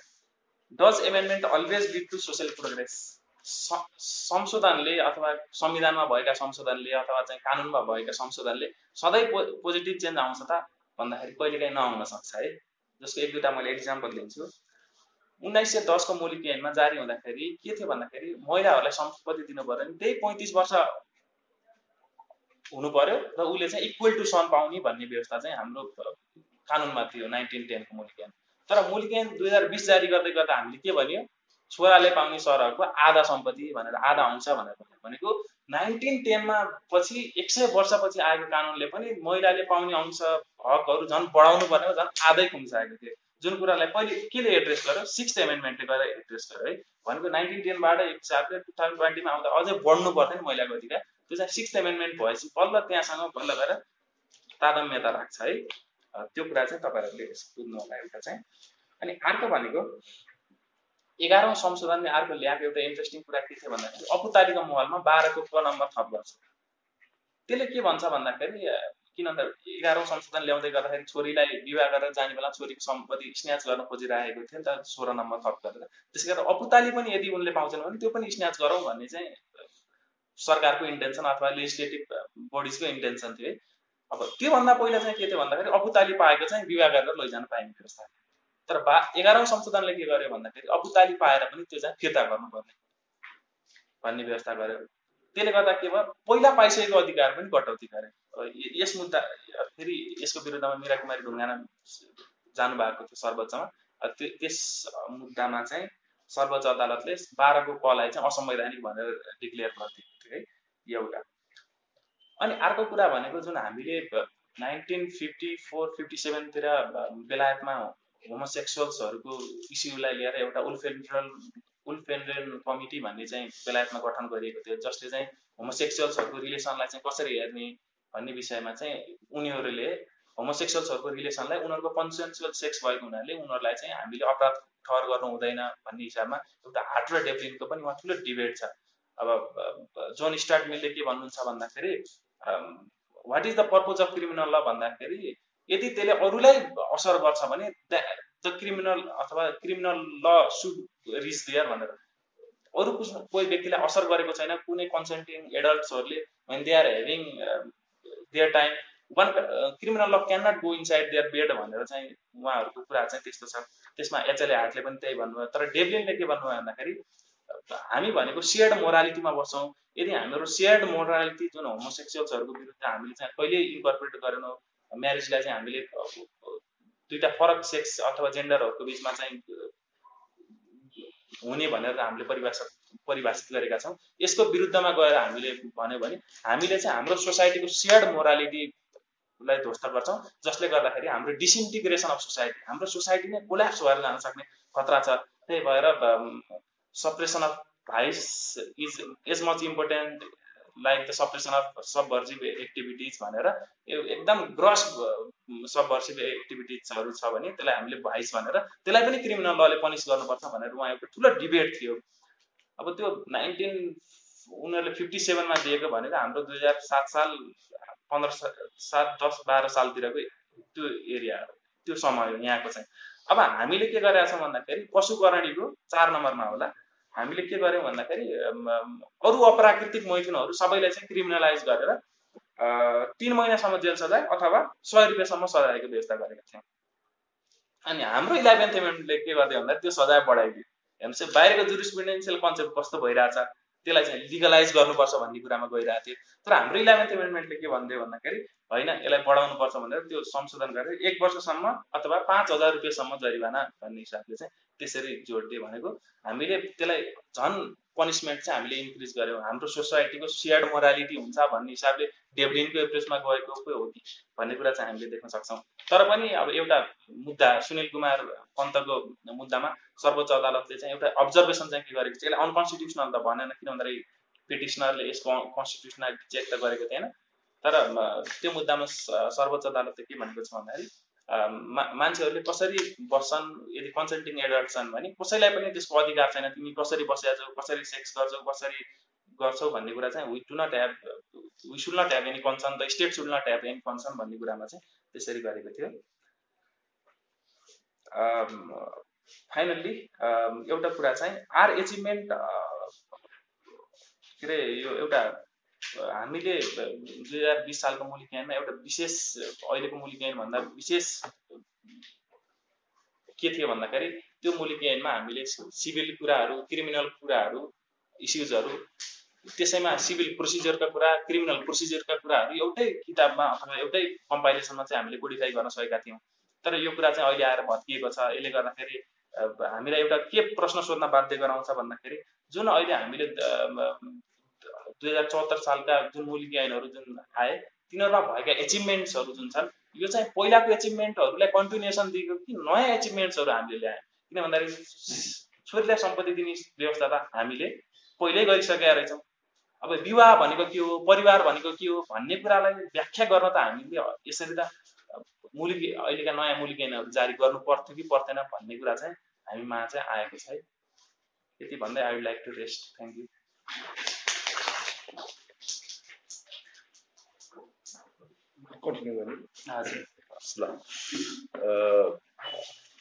यस कार्यक्रममा उपस्थित हुनुभएका हाम्रो चाहिँ सर्वोच्च अदालतका पूर्व न्यायाधीश मान्य ज्ञानेन्द्र श्रेष्ठज्यू सुलभजी समीरजी अनि सबै हाम्रो यङ ल स्कलर साथीहरू। मलाई एकदम खुसी लागेको छ। म यहाँलाई चाहिँ सबैलाई धन्यवाद भन्न चाहन्छु। किन भन्दाखेरि म ठ्याक्क बिचमा परेछु कि। यस्तो जेनेरेसनको बिचमा परेछु। एउटा चाहिँ भर्खर आइराख्नु भएको एकदम किताबबाट निस्केर अब प्र्याक्टिसमा आउँदै गर्नुभएको यङ जेनेरेसन्स अनि यहाँ चाहिँ के हुनुहुन्छ भन्दाखेरि चाहिँ हाम्रो चाहिँ कानुनी इतिहासको धरोहरै हुनुहुन्छ। हाम्रो चाहिँ आदरणीय ज्ञानेन्द्र बहादुर श्रेष्ठज्यू चाहिँ उहाँले सबै यो मुलुकी ऐनदेखि लिएर पछिका संशोधनदेखि लिएर यो चाहिँ अदालतमा बसेर फैसलाको माध्यमद्वारा किताबहरूको लेखनद्वारा चाहिँ यसलाई चाहिँ एकदमै डकुमेन्ट अभिलेखबद्ध समेत गर्नुभएको चाहिँ व्यक्तित्व हुनुहुन्छ। र तपाईँहरू दुईजना दुई पुस्ताको बिचमा बसेर कुरा गर्न पाउँदा चाहिँ मलाई एकदम कुरा गर्न पाउँदा भन्दा पनि अब सुन्न पाउँदा चाहिँ धेरै चाहिँ म ला लाभान्वित हुन्छु जस्तो लागेको छ। र मलाई चाहिँ पालुवा पिरियड जुन अपर्च्युनिटी दिनुभयो त्यसको लागि धन्यवाद दिन चाहन्छु र जुन सुलभजीले जुन प्रस्तुति गर्नुभयो त्यसको लागि पनि धन्यवाद दिनुहुन्छ दिन चाहन्छु किन भन्दा धेरै युजफुल इन्फर्मेसनहरू दिनुभयो। उहाँको टपिक चाहिँ यो मुलुक ऐन यसको संशोधन यसले पारेको समाजका प्रभाव भन्ने विषय थियो होइन र त्यही विषयवस्तुबाट सुरु गर्दाखेरि चाहिँ मैले पनि यो ल क्याम्पसबाट होइन यो ब्याचलर गरिसकेपछि एउटा स्टडी गर्दै थिएँ। अनि यो स्टडी गर्ने क्रममा चाहिँ इन्टरभ्यू लिन पुगेको थिएँ। यहाँले सुन्नुभयो होला उहाँ चर्चित महिला नेत्री हुनुहुन्छ त्यतिखेर साना प्रधान भन्ने। उहाँसँग इन्टरभ्यू लिन गएको थिएँ। अनि उहाँले चाहिँ इन्टरभ्यू क्रममा मलाई के भन्नुभयो भन्दाखेरि चाहिँ दुई हजार बिसमा जब मुलुक जारी भएको थियो त्यतिखेर चाहिँ उहाँ पृथ्वी नारायण बहुमुखी क्याम्पस होला पोखराको होइन? त्यहाँ चाहिँ उहाँ चाहिँ पढाउनु हुँदो रहेछ होइन? र दुई हजार बिसभन्दा अगाडिको मुलुकी ऐनको एउटा चाहिँ जुन डिस्कोर्स यहाँ छ नि यहाँ चाहिँ बेसी हामी जेन्डर पर्सपेक्टिभबाट आयौँ। एउटा डिस्कोर्स के थियो भन्दाखेरि टु थाउजन्ड ट्वेन्टीभन्दा अगाडिको मुलुकी ऐन चाहिँ एकदमै कास्ट बेस्ड थियो। सजायदेखि लिएर सबै कुराहरू चाहिँ कास्ट बेस्ड थियो र टु थाउजन्ड ट्वेन्टीको मुलुकी ऐनले के गर्यो भन्दाखेरि चाहिँ जातीय आधारमा छुवाछुत गर्नु पनि एउटा चाहिँ अपराध हो भनेर चाहिँ त्यसलाई चाहिँ क्रिमिनलाइज गरेर आएको थियो। अनि दुई हजार बिसको मुलुकियन आइसकेपछि चाहिँ पोखरामा भएका दलित समुदायले एउटा चाहिँ सेलिब्रेसन प्रोग्राम चाहिँ आयोजना गर्नुभएको थियो। त्यसमा चाहिँ उहाँलाई साना प्रधानजीलाई पनि बोलाउनु भएको रहेछ। अनि सबैजना गए स्टेजमा एकदम मान्छेहरू पनि थिए अनि त्यहाँ ठुला ठुला भाषण भने यो त यस्तो नेपालमा दुई हजार बिस साललाई चाहिँ यत्रो दुई हजार सात सालमा हामीले प्रजातन्त्र लिएर आइसक्यौँ। तै पनि यसरी चाहिँ जातको आधारमा हुने छुवाछुत बल्ल बिस सालमा आउनु चाहिँ एकदमै ढिलो भयो एकदम धेरै पहिला आउनु पर्थ्यो। हाम्रो पूर्ण समर्थन छ भनेर एकदम धेरै भाषणहरू भएछ। होइन? भाषणहरू भएपछि जो आयोजक समुदाय हुनुहुन्थ्यो दलित समुदाय उहाँले चाहिँ के गर्नुभएको रहेछ भन्दाखेरि कार्यक्रमपछि जलपानको पनि व्यवस्था गर्नुभएको रहेछ। होइन? कार्यक्रममा त निकै ठुलो ठुलो भाषणहरू त भयो होइन? त्यसपछि जब चाहिँ अब हाम्रो सानो जलपान पनि यहाँ चाहिँ आयोजना गरेको छ भनेपछि अघि स्टेजमा कुर्लिराख्ने मान्छेहरूको लागि होइन? जलपानमा सहभागी हुनु चाहिँ त्यति सहज भएन। र उहाँहरूमध्ये कसैको चाहिँ घरमा खाना पाकिरहेको कसको व्रत कसको कहाँ बोलाएको होइन उहाँहरू चाहिँ जलपान नगरिकन स्टेजमा कुदिनु भयो तर जलपान नगरिकन चाहिँ निस्किनु भयो सो यो समाजले कानुन परिवर्तन गर्छ कि कानुनले समाज परिवर्तन गर्छ भन्ने क्वेसन चाहिँ यो किन भन्दाखेरि कुनै साइन्स त होइन होइन? भौतिक साइन्स त होइन। त्यसले गर्दाखेरि कसले कसलाई गर्छ र कति समयमा गर्छ? परिवर्तन गर्छ भने पनि कानुनले समाजलाई परिवर्तनै गर्छ भने पनि कति समयमा गर्छ भन्ने कुरा चाहिँ सोच्नुपर्ने हुन्छ। किन सोच्नु पर्ने हुन्छ भनेदेखि दुई हजार त्रिसठी सालमा प्रजातन्त्र पुनर्स्थापना भएपछि दाङको चाहिँ जिल्ला अदालतमा एउटा घटना भयो होइन? त्यत्रो प्रजातन्त्र पुनर्स्थापना भएको त्यत्रो समावेशी आन्दोलन भएको दाङको जिल्ला अदालतमा तत्कालीन एउटा जिल्ला न्यायाधीश हुनुहुन्थ्यो। उहाँको के रहेछ भन्दाखेरि घरमा चाहिँ श्राद्ध परेको रहेछ। आफ्नो श्राद्ध परेको श्राद्ध गर्ने कुरा आफ्नो चाहिँ अधिकारका कुरा गर्न भयो। तर अब उहाँ चाहिँ जिल्ला अदालतको न्यायाधीश उहाँलाई चाहिँ के इच्छा छ भन्दाखेरि श्राद्धको प्रसाद चाहिँ आफ्नो कार्यालयका कर्मचारीहरूलाई पनि खुवाउँ भनेर चाहिँ इच्छा लागेको थियो भने ठिकै हो होइन खुवाउनु मन लाग्छ भने खुवाए हुन्छ। तर उहाँले के नोटिस जारी गर्नुभएछ भन्दाखेरि चाहिँ यो प्रसाद सबैलाई दिनु तर त्यहाँ दलित समुदाय र नछुने भएको महिलालाई चाहिँ नखुवाउनु भन्नुभएछ त्रिसठी सालमा। भनेको अर्थ दुई हजार बिस सालमा चाहिँ हामी कहाँ के भयो भन्दाखेरि मुल्केन आयो र त्यसले के गर्यो भन्दाखेरि जातीय छुवाछुतलाई अन्त्य गर्ने भन्यो होइन? यदि त्यस्तो किसिमको विभेद हुन्छ भने न्याय माग्न कहाँ जाने त? कहाँ जाने? त्यो जिल्ला अदालतमा जाने जहाँ चाहिँ र कोबाट न्याय दिने जिल्ला न्यायाधीशबाट न्याय दिने होइन? भनेपछि त्यो मुलुकियन आएको त्रिचालिस वर्षपछि दुई हजार त्रिसठी सालमा चाहिँ एउटा जिल्ला न्यायाधीशले के भन्छ भन्दाखेरि यो प्रसाद चाहिँ लगेर पाउनु तर चाहिँ दलित र नछुने भएको महिलालाई नहुनु र त्यहाँ इस्यु पनि भएछ किनभने त्यहाँ हुँदो रहेछ। एकजना महिला नछुने पनि हुँदो रहेछ दलित समुदायको कर्मचारी पनि हुँदो रहेछ होइन? र त्यो इस्यु भएर पछि उहाँ चाहिँ त्यो जिल्ला अदालतबाटै उहाँको चाहिँ होइन अकस्मात किसिमले रातारात किसिमले चाहिँ स्वर्ग पनि भयो। त्यसले गर्दाखेरि यो समाजमा कति परिवर्तन गर्छ भन्ने कुरो चाहिँ धेरै कुराले फरक पर्छ। तर एउटा कुरा के चाहिँ निसन्देह के हो भन्दाखेरि कानुन र सोसियल चेन्जको कुरा गर्यो भने होइन कहिले चाहिँ यो कानुन सोसियल चेन्जको लागि चाहिँ इनिसिएटर हुन्छ होइन। कहिले चाहिँ सोसियल चेन्ज भइसकेको हुन्छ कानुन मात्रै नसुधारेको हुन्छ। त्यसले गर्दा यो इन्डिकेटर होइन भइसकेको सोसियल चेन्जलाई चाहिँ इन्डिकेटरको रूपमा आउँछ होइन। तर जे भए पनि एउटा कुरा चाहिँ के हो भन्दाखेरि कुनै पनि हामीले चाहिँ प्रगति उन्मुख सोसियल चेन्ज गर्न चाहन्छौँ भने त्यसको लेजिटिमेट त्यसलाई लेजिमेटी लेजिटिमेसी केले दिन्छ भन्दाखेरि चाहिँ लले दिन्छ। त्यसले गर्दाखेरि तर कति समयमा हुन्छ भन्ने कुरा चाहिँ सधैँ क्वेसन्सको कुरा भयो। र मलाई एकदम रमाइलो लाग्यो सुलभजीको प्रेजेन्टेसन किन पनि रमाइलो लाग्यो भन्दाखेरि जुन चाहिँ हाम्रो चाहिँ छैटौँ संशोधन भयो त्यतिखेर मैले पनि थाहा पाउने स्थितिमा थिइनँ। म त्यो छैटौँ संशोधन कसरी भयो के भयो भनेर होइन?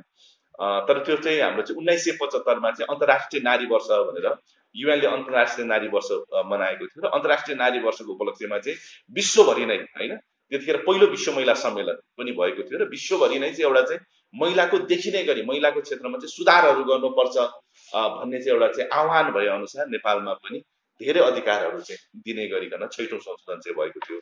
तर पछिल्ला संशोधनको कुरा गर्ने हो भने एघारौँ संशोधन त्यसपछि त्रिसठीको संशोधन र बहत्तरको संशोधनको क्रममा कतिपय संशोधनको चाहिँ ड्राफ्टिङै प्रोसेसमा पनि इन्भल्भ भएर मेरो चाहिँ आफ्नो संलग्नता रहेको हुनाले त्यो संशोधन चाहिँ जसरी हामीले के भन्छौँ भन्दाखेरि यस्तो संशोधन भयो यति भयो भन्छौँ। तर त्यो संशोधन गर्ने जुन चाहिँ ड्राफ्टिङमा बस्छौँ नि हामी त्यो के अरे मस्यौदामा जुन चाहिँ अब संसदमा बिल जानुभन्दा अगाडिदेखि नै यति गाह्रो हुन्छ। एउटा एउटा शब्दमा यति धेरै हुन्छ होइन? र कहिलेकाहीँ के हुन्छ भन्दाखेरि चाहिँ एकदम यो मेरै गोजीबाट दिनुपर्ने हो कि मैले नै खाइपाएको अधिकार दिनुपर्ने हो कि भन्ने जस्तो होइन? पारिवारिक विषय छ। तर एकदमै म चाहिँ दिने मान्छे हो भन्ने किसिमले चाहिँ बिल ड्राफ्टिङ गर्दाखेरि पनि त्यो किसिमको चाहिँ अवस्थाहरू चाहिँ देखिन्छ होइन?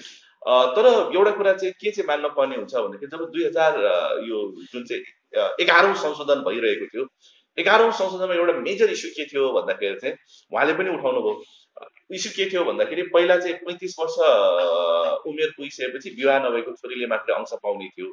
र मिरा कुमारी ढुङ्गानाको मुद्दापछि चाहिँ अंश पाउने भयो। होइन? छोराछोरी लोग्ने स्वास्नीको चाहिँ जिजिएकै अंश गर्नुपर्छ भन्ने भयो। तर त्यसमा एक क एउटा थपियो। एक क के भनेर थपियो भन्दाखेरि तर विवाहित छोरीको चाहिँ गर्नु पर्दैन भन्ने। अनि सोह्रलाई चाहिँ के भनियो भन्दाखेरि चाहिँ यदि अंश लिएको छ भने फर्काउनु पर्ने भन्ने कुरा आयो होइन?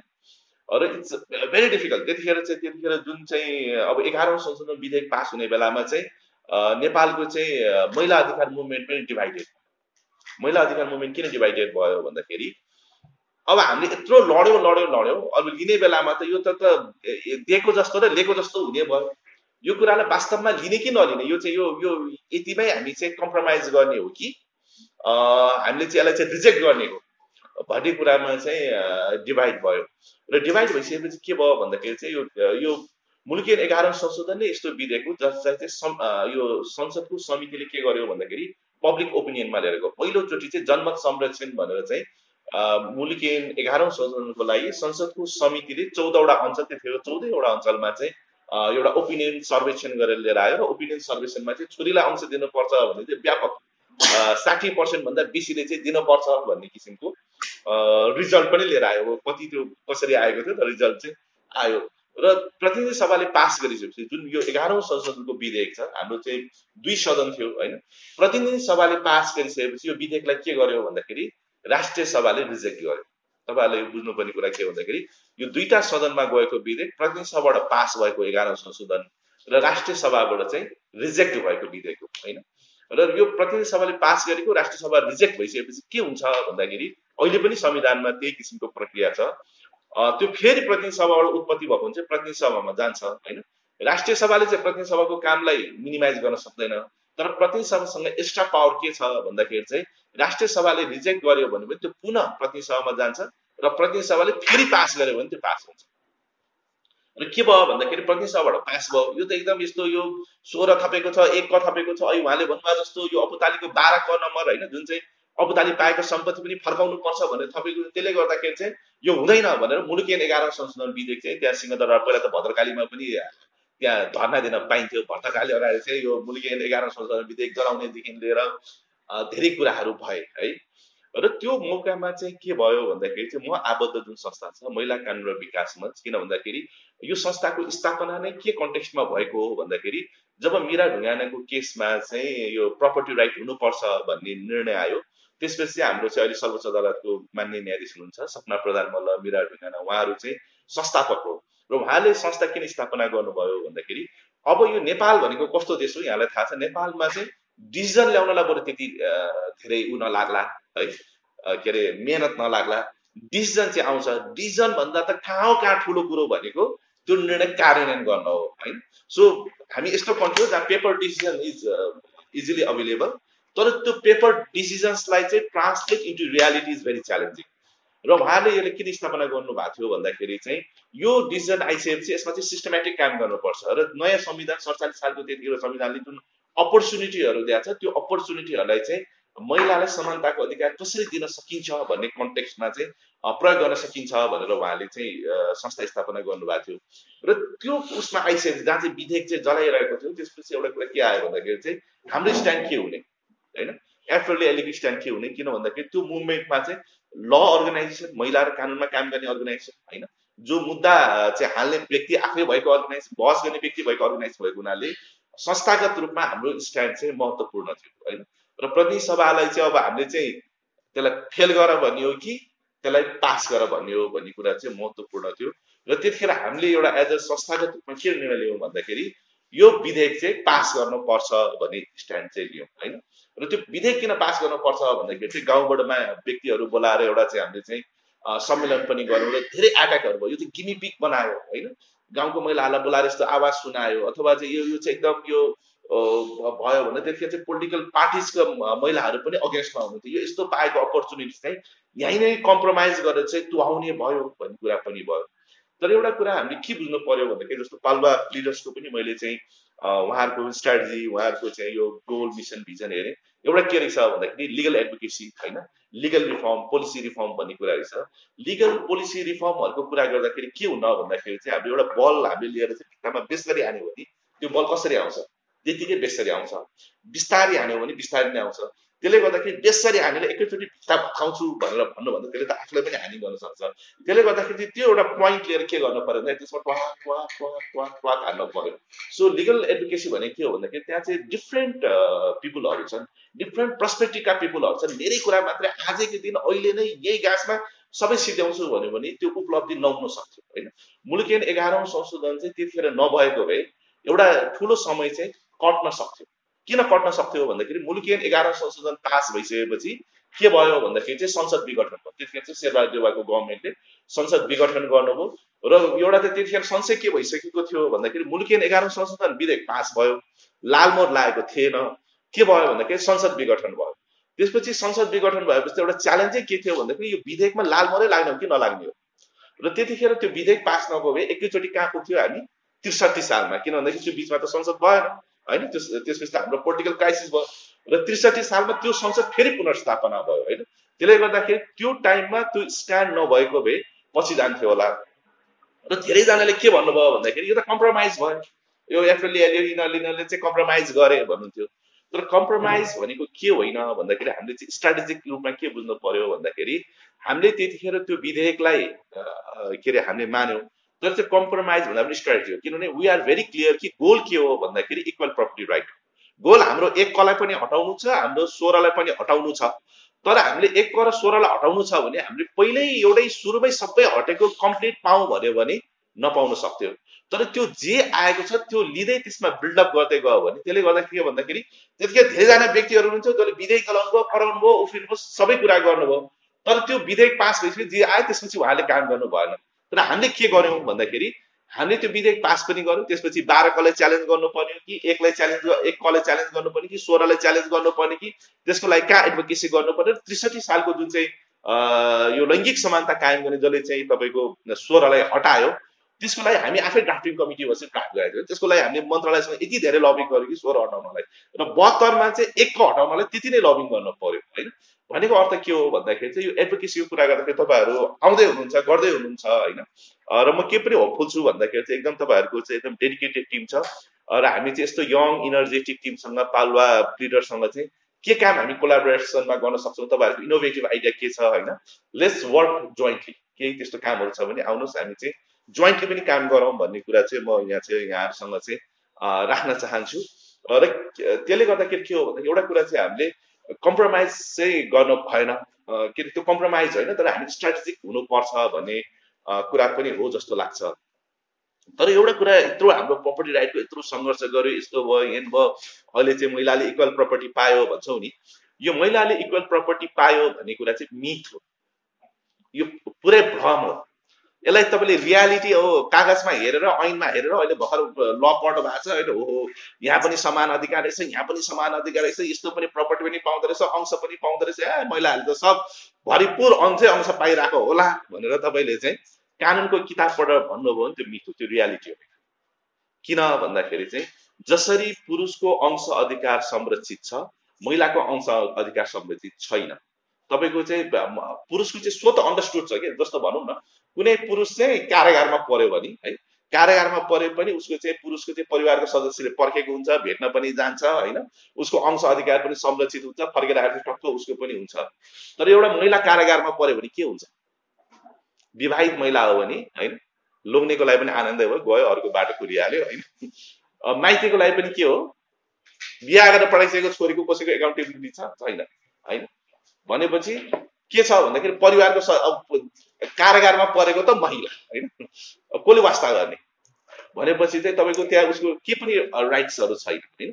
र अहिले के भनिन्छ भन्दाखेरि एकदम लोग्नेको अंशमा त अधिकार छ नि भन्छ होइन? लोग्नेलाई रिझाएसम्म लोग्ने खुसी भएसम्म लोग्ने दङ्ग परेसम्म सबै अधिकार छ होइन? जुन दिन लोग्ने दङ्ग परेन होइन? जुन दिन लोग्ने रिसायो त्यो अधिकार चाहिँ वास्तवमा लडेर लिने हो भने त्यसको चाहिँ व्यवहारिकता कस्तो छ भन्ने कुरा चाहिँ एकदमै बिटर छ। है? र हामीलाई कहिले काहीँ पीडा हुन्छ? मैले यो यस कारण भनेको होइन कि यो अदालतप्रतिको निष्ठालाई कम गरौँ भनेर भनेको होइन। अदालतमा भएको हाम्रो चाहिँ प्रक्रियालाई अझ कसरी चाहिँ एउटा चाहिँ न्याय प्राप्त गर्न खोज्ने जुन चाहिँ सेवाग्राही मैत्री बनाउन सकिन्छ भन्ने हिसाबले हामी कहाँ एकजना क्लाइन्ट आउनु भएको थियो। उहाँले के भन्नुभयो भन्दाखेरि उहाँ चाहिँ यो के अरे सिंहदरा अगाडिबाट गाडीमा हिँड्नु हुँदो रहेछ होइन? र उहाँले के भन्नुभयो भन्दाखेरि चाहिँ म सिंहदरबारबाट त्यहाँबाट बसबाट हिँड्दाखेरि चाहिँ मलाई चाहिँ त्यहाँ सर्वोच्च अदालत आउँछ। अनि म सर्वोच्च अदालत आएपछि म यतातिर मुख फर्काएर यता स्वास्थ्य मन्त्रालयहरू कृषि विकास ब्याङ्क छ नि यतातिर मुख फर्काएर चाहिँ जान्छु। किन भन्दाखेरि मलाई सर्वोच्च अदालत हेर्दाखेरि मेरो मनमा पीडा हुन्छ भन्नु। भनेको अर्थ के? एउटा चाहिँ न्याय लिन जाने मान्छेलाई अदालत हेर्दाखेरि होइन पीडा हुने चाहिँ वातावरण छ भने त्यसलाई हामीले कसरी न्यूनीकरण गर्न सकिन्छ? र वास्तवमा जुन कानुनमा लेखिएका अधिकारहरू ठुल्ठुला अधिकारहरूको कुरा गर्यौँ ठुल्ठुला परिवर्तनहरूको कुरा गर्यौँ र अब समाजको प्रभावको कुरा गर्यौँ कानुनमा त परिवर्तन भइरहेको छ। हिजोभन्दा आज आजभन्दा भोलि झन्झन छोरीहरूले महिलाहरूले अंश पाएर चाहिँ धेरै नै भइसकेको छ। तर व्यवहारमा कति महिलाहरूले अंश पाएका छन् त? है? हामीले एउटा अध्ययन गरेका थियौँ मालपोत कार्यालयमा गएर। के छ त भन्दाखेरि मालपोत कार्यालयले पनि छोरीलाई चाहिँ अंश बनाएको कागजमा उहाँहरूको चाहिँ कुनै पनि छैन। आफै कसैले त्यो लिएर आयो भने हो छोरा कतिजना छन् को को छोरा छन् भनेर उहाँहरूले सोध्नुहुन्छ। तर छोरी त्यसमाथि पनि विवाहित छोरी भन्ने कुरा चाहिँ उहाँहरूको चाहिँ दिमागले पनि एक्सेप्ट गरेको छैन। र अहिले छोरीले अंश पायो भनिँदै गर्दाखेरि यही बहत्तरको कानुन आइसकेपछि नवलपरासी जिल्ला अदालतबाट एउटा चाहिँ निर्णय भएको छ। के निर्णय भयो भन्दाखेरि चाहिँ यो छोरीलाई अंश पाउने अंश जुन माग अंश चाहिँ अब दिनु पर्यो यहाँ त केही पनि भनेको छैन। अब नयाँ अंशमा नगर्दाखेरि विवाहित छोरी पनि हो भनेको छ। तर जिल्ला अदालतले के व्याख्या गर्यो भन्दाखेरि त्यो छोरीको बिहा चाहिँ बहत्तर सालभन्दा अगाडि सत्तरी एकहत्तर सालमा भएको हुनाले त्यस्तो छोरीलाई दिन पर्दैन। त्यो त कुनै पनि कानुनको होइन। र संविधान हेऱ्यो भने संविधानमा त अहिले त प्रष्ट रूपमा के छ? धारा अठार पढ्नुहोस् होइन।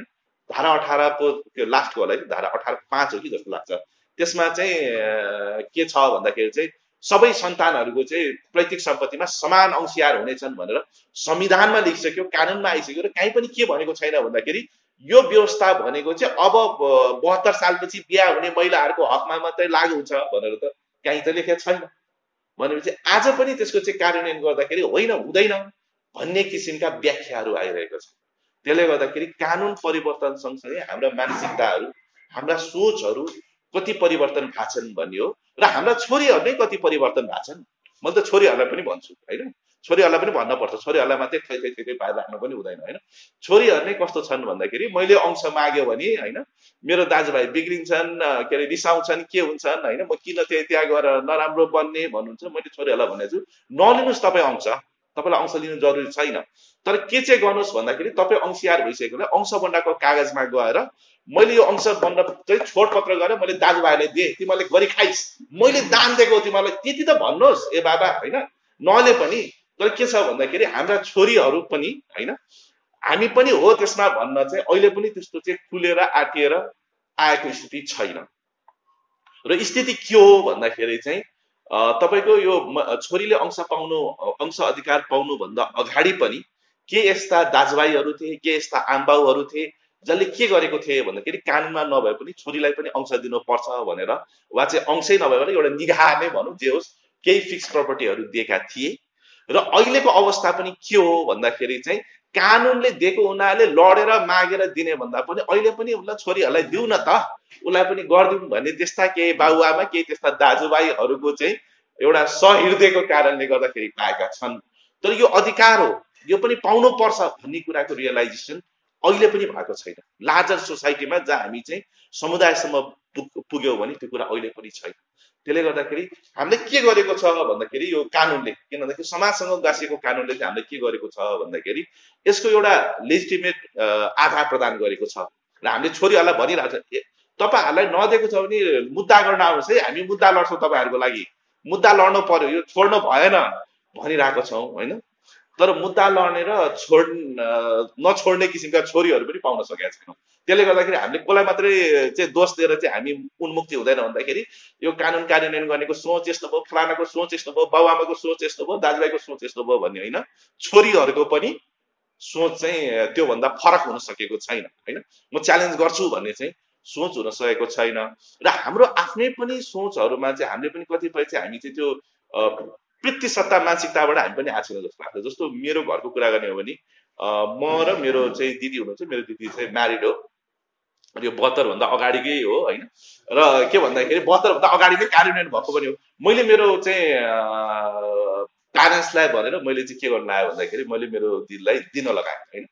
मैले मेरो दिदीलाई मात्रै दिन लगाएन। मैले के गरेँ भन्दाखेरि चाहिँ हामी काठमाडौँ बस्छौँ हामी ओरिजिनली चाहिँ धनकुटाबाट आएको है?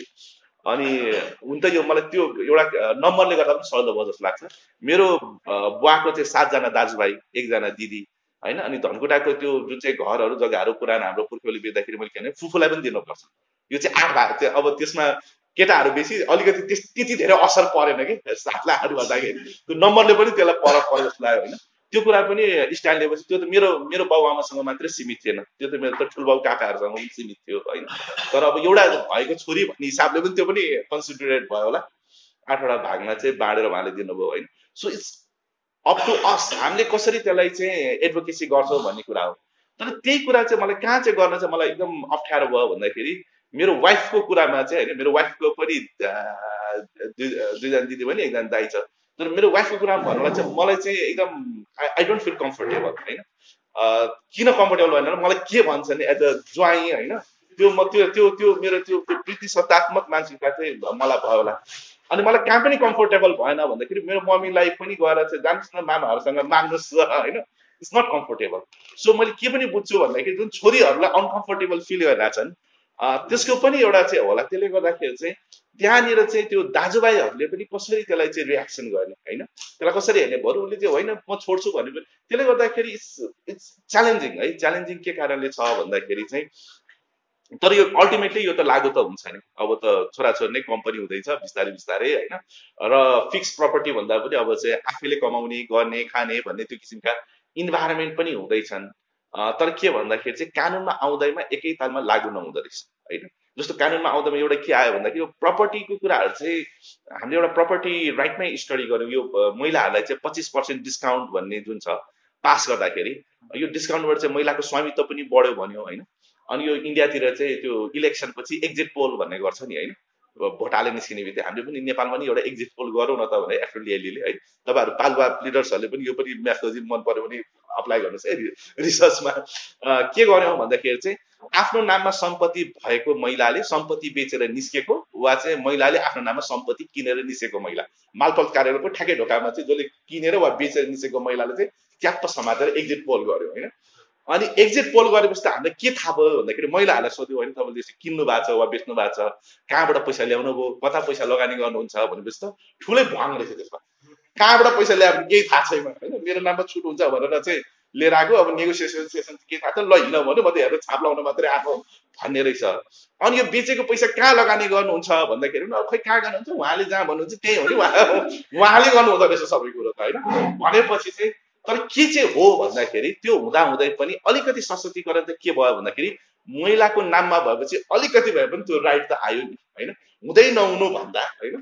केही न केही इनकेस त्यो महिला बटार्यो भने के होला होइन? उहाँ पनि त अलिकति डराउने त हुनुभयो होइन? बटारिदिइहाल्यो भने होइन?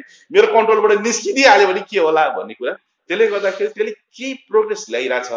तर यो चाहिँ एकदमै लामो प्रोसेस हो होइन? र सोसियल इस्युजहरूमा फ्यामिली इस्युजहरूमा भएको लिगल चेन्जहरूलाई चाहिँ प्र्याक्टिसमा रूपान्तरण गर्न गाह्रो छ होइन? आज अब आजै पनि भनौँ आज पनि अब छुवाछुतको कुरा गर्ने हो भने अहिले पनि मान्छे चाहिँ यो के अरे सहभोज भनेर बाहिर पब्लिकमा त होइन? दलित समुदायले आयोजना गरेको भोजमा बस्नुहुन्छ तर आफ्नो घरभित्र बोलाएर कतिले खुवाउनुहुन्छ? आफ्नो पूजा कोठासम्म कसले पुर्याउनुहुन्छ? होइन? आज चाहिँ महिनावारीको छा छाउगोठको आएको छ होइन?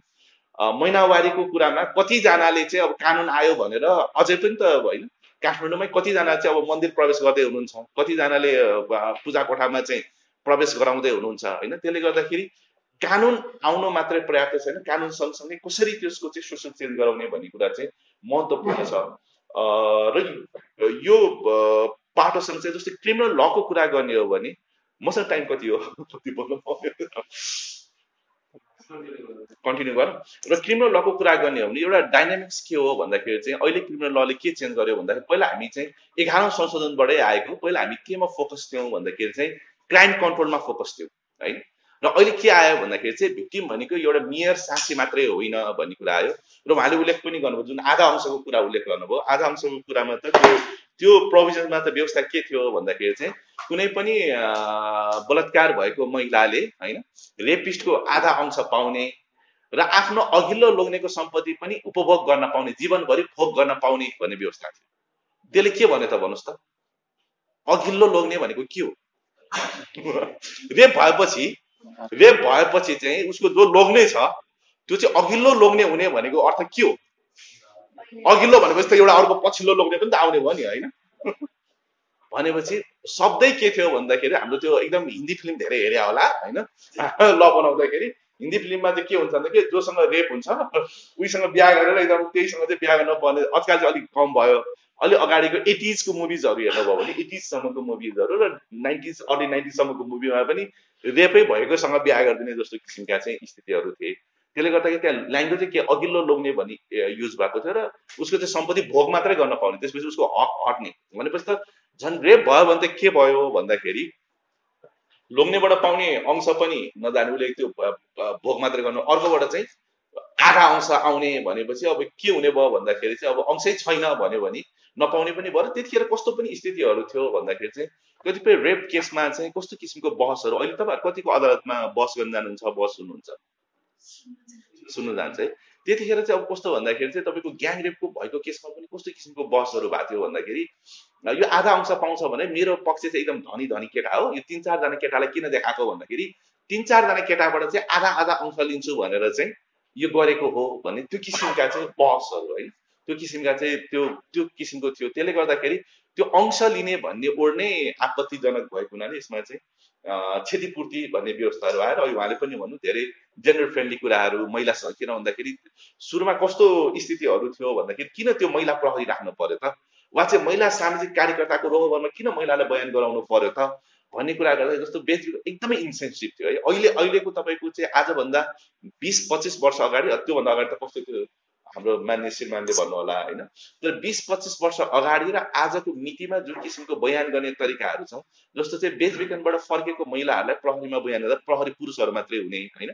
र बयान गर्दाखेरि चाहिँ त बेसिया त रन्डी भन्ने यस्तो वाक्यहरू बोलाएर उसलाई चाहिँ एकदम घृणित किसिमले चाहिँ कमेन्टहरू गरेर चाहिँ बयान गर्ने स्थितिहरू चाहिँ थियो। त्यसलाई त्यसलाई मिनिमाइज गर्नलाई पनि त्यो कुराहरू चाहिँ महिलाको रोहबरमा गर्नुपर्छ महिला प्रहरीले गर्नुपर्छ होइन? एउटा कति कम्फोर्टेबल हुन्छ भन्ने कुरा नै आफ्नो ठाउँमा छ भने अर्को चाहिँ अपमानजनक शब्दहरू जुन प्रयोग हुन्छ त्यसलाई कसरी न्यूनीकरण गर्ने भन्ने कुरा हो। तर यो यति मात्रले चाहिँ नहुने रहेछ। अहिले पनि आज पनि अब तपाईँहरूले कति हेर्नु जानु भएको छ वा तपाईँले वाच गरेको मुद्दामा परा चाहिँ छैन होइन? हामी रेप केसको मुद्दामा जाँदाखेरि डिफेन्स लयरले के भनेर चाहिँ प्रश्न सोधेकोहरू पाउँछौँ भन्दाखेरि रेप भएको महिलालाई तपाईँलाई मजा आयो कि आएन? तपाईँलाई सन्तुष्टि पाउनु भयो कि भएन? होइन? के हो त्यो क्वेसनको के सेन्स छ? रेप भएको महिलालाई। होइन? र बसमा चाहिँ क्यारेक्टरहरू अहिले पनि रेप भएका महिलाको क्यारेक्टरहरू होइन? कहिले काहीँ बसमा के भन्छ हेरिबक्स श्रीमान? यो भन्न त नहुने हो भन्छ। त्यसपछि भन्न त नहुने हो भनेपछि जे भने पनि हुन्छ यहाँ। पहिलो कुरो एउटा सेफ चाहिँ के हो भने हेरिबक्स श्रीमान। यो भन्न नहुने हो भन्नुपर्छ। त्यसपछि सबै कुरो भन्न पाइन्छ। होइन? त्यसले गर्दाखेरि त्यो प्रविधि अहिले पनि रोकिएको छैन। त्यसले गर्दाखेरि जबसम्म हामीले चाहिँ माइन्ड सेटहरू परिवर्तन गर्दैनौँ र माइन्ड सेट परिवर्तन गर्न चाहिँ अहिलेको अब अब जति जति पछि चाहिँ चेन्जेसहरू चाहिँ छिटो छ है त्यति चाहिँ के मान्नु पर्छ भन्दाखेरि जुन चाहिँ पहिला सय वर्षमा लाग्ने चेन्ज अब बिस वर्ष बिस वर्षमा लाग्ने चेन्ज दस वर्ष जसरी हामीले मोबाइलको चेन्ज हाम्रो फास्ट हुँदै गएको छ। सोसाइटीको चेन्ज पनि धेरै इन्फर्मेसनहरूले गर्दा फास्ट हुँदैछ। तर मुलुकीयनमा आएका कतिपय प्रावधानहरूको चेन्जहरू चाहिँ त्यति आएको छैन। र अब हामीले चाहिँ सही दिशातिर चेन्ज कसरी लाउने? किन भन्दाखेरि के लिएर आयो एघारौँ संशोधनले भन्ने कुरा गर्नुभयो भन्दाखेरि बन्द इजलासको व्यवस्था ल्यायो भन्ने कुरा सुलभजीले राख्नुभयो। इट्स भेरी गुड होइन? त्योभन्दा अगाडि बन्द इजलास थिएन होइन? त्योभन्दा अगाडि चाहिँ एउटा बयान गर्न पनि थिएन बन्द इजलास चाहिँ लिएर आयो। तर बन्द इजलास जस्तो र गोपनीयताको त्यत्रो लामो हाम्रो त्यो डिसिजनै आयो। एप्रिल ल्यालीकै मुद्दामा आएको यो गाइडलाइनै आएको छ। पढ्नु भएको छ है तपाईँहरूले। कल्याण हाम्रो चाहिँ एप्रिल ल्यालीको तर्फबाट सपना दिदीले चाहिँ हाल्नुभएको मुद्दा हो होइन? गाइडलाइन आयो। तर हामीले अल्टिमेटली के हेर्न पर्छ जस्तो लाग्छ भन्दाखेरि हामी चाहिँ इक्वालिटीमा जाने हो भने अब बन्द इजलासहरू भने हामी कहिलेसम्म चाहिँ पीडितलाई लुकाएर राख्ने के?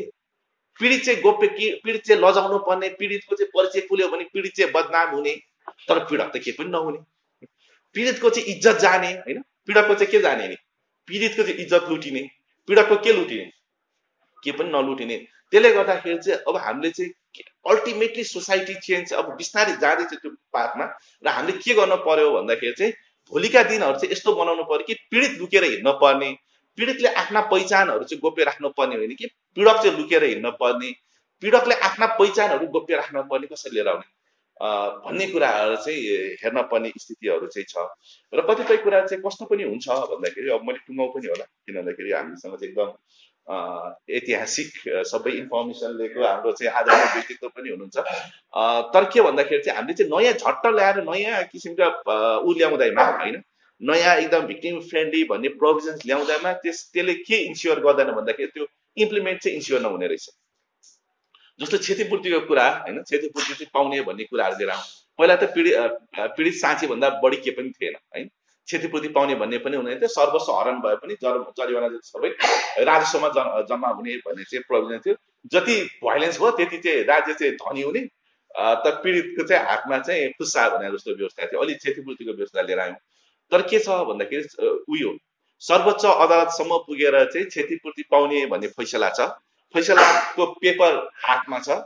तर क्षतिपूर्ति पाउने भनेको पैसा एक रुपियाँ पनि हातमा चाहिँ आउन सकेको छैन र किन आउन सकेन त भन्दाखेरि प्रावधान हामीले लिएर आयौँ तर हाम्रो जुन चाहिँ त्यो काम गर्ने शैली छ त्यो चाहिँ भिक्टिम सेन्ट्रिक बनाएनौँ किन भन्दाखेरि क्षतिपूर्तिको प्रावधान ल्याएपछि पीडकबाट भराउने भनेका छौँ होइन? पहिला पहिला त एउटा त सरकारी वकिलको चाहिँ अभियोग पत्र दर्ता हुँदाखेरि क्षतिपूर्ति मागै गर्दैन थियो। अहिले लेखले क्षतिपूर्ति माग्न थालेको छ र पैसालाई पनि क्षतिपूर्ति आउन थालेको छ।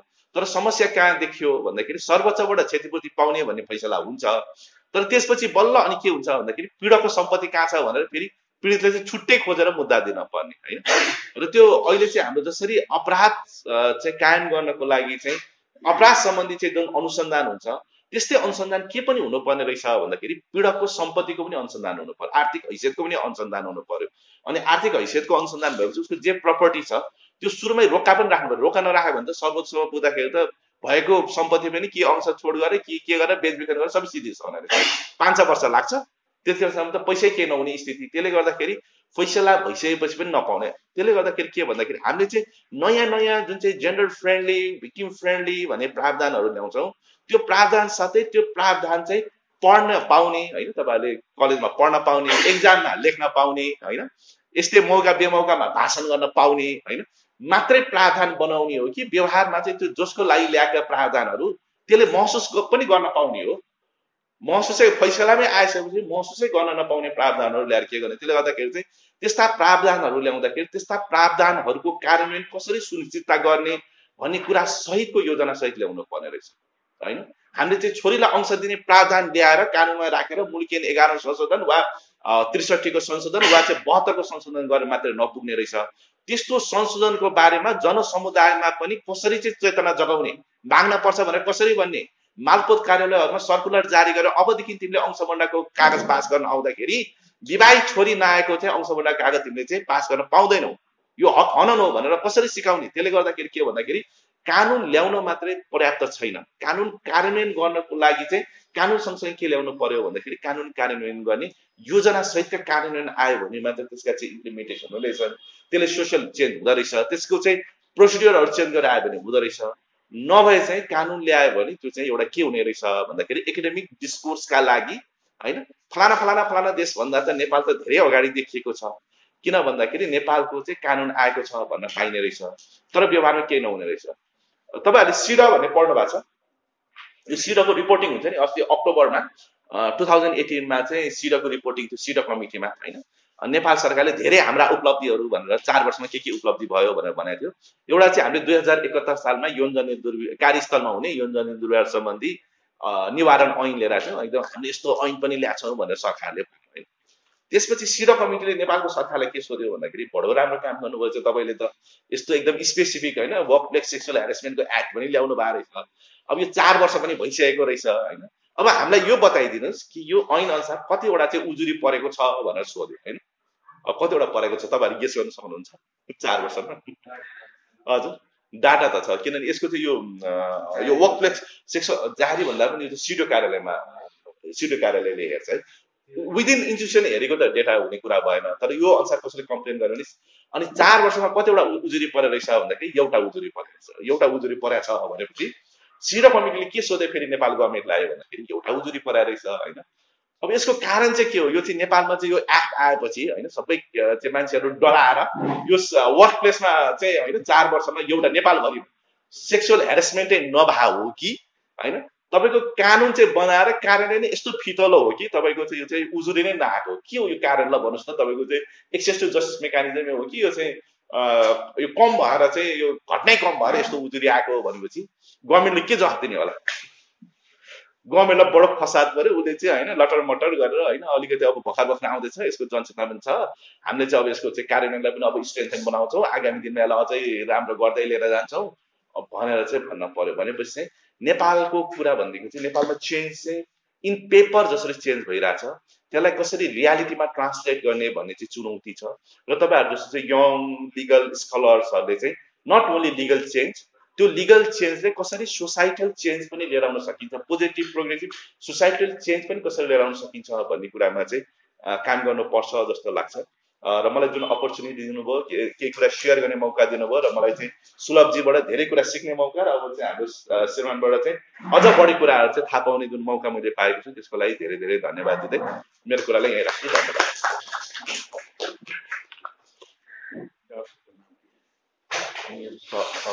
そうみたい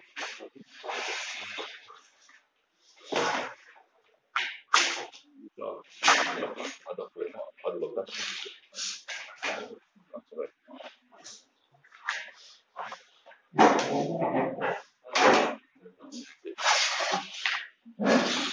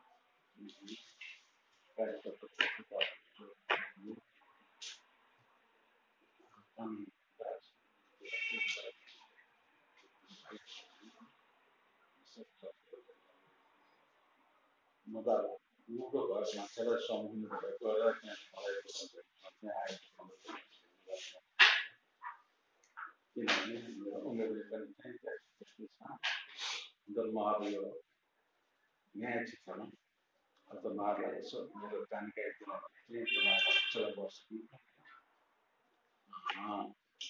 सब कसैलाई थाहा छैन।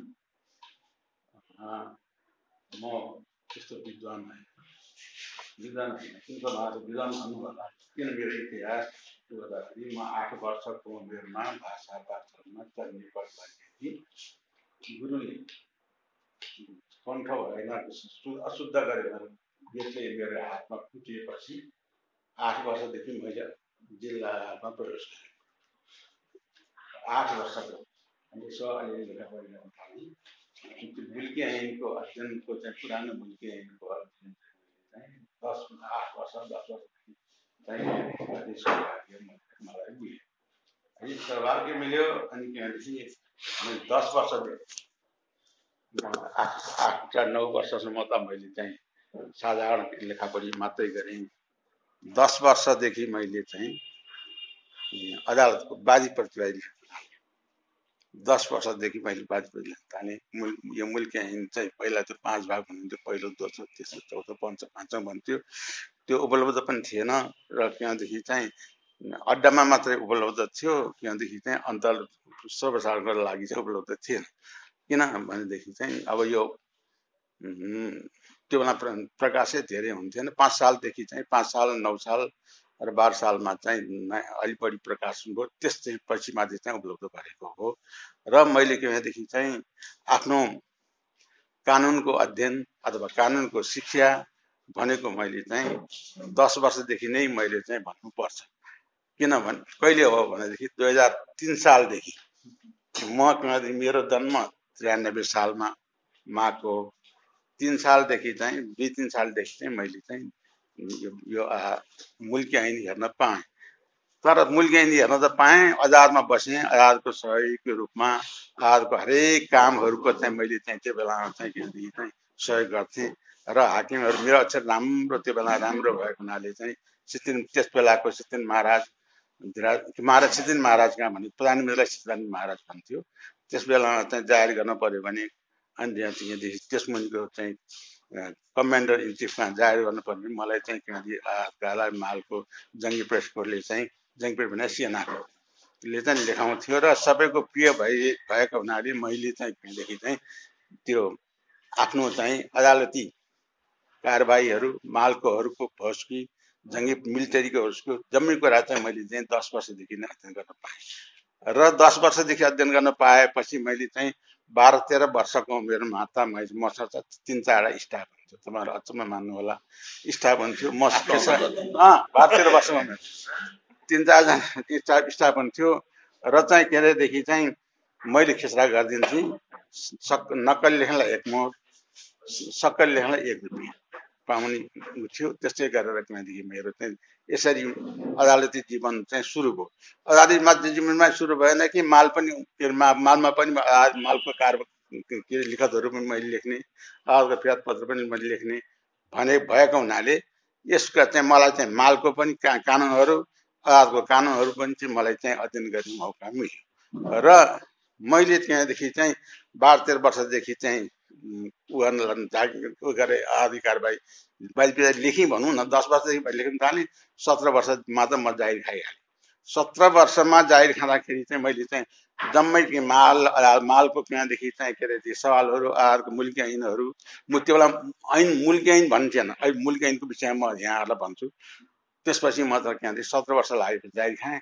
जाहिर खाएपछि म एघार साल फागुन अठार गते जाहिर खाएको त्यसभन्दा यताको चाहिँ सम्पत्ति चाहिँ काठमाडौँ घडेरी बाहेक मेरो केही पनि छैन। मैले किनदेखि दस वर्षदेखि चाहिँ किनदेखि सत्र वर्षसम्म दस के सात वर्ष जतिमा कमाएको सम्पत्ति पुरानो बाउको सम्पत्ति मैले कुनै पनि ल्याएको छैन अहिलेसम्म पनि।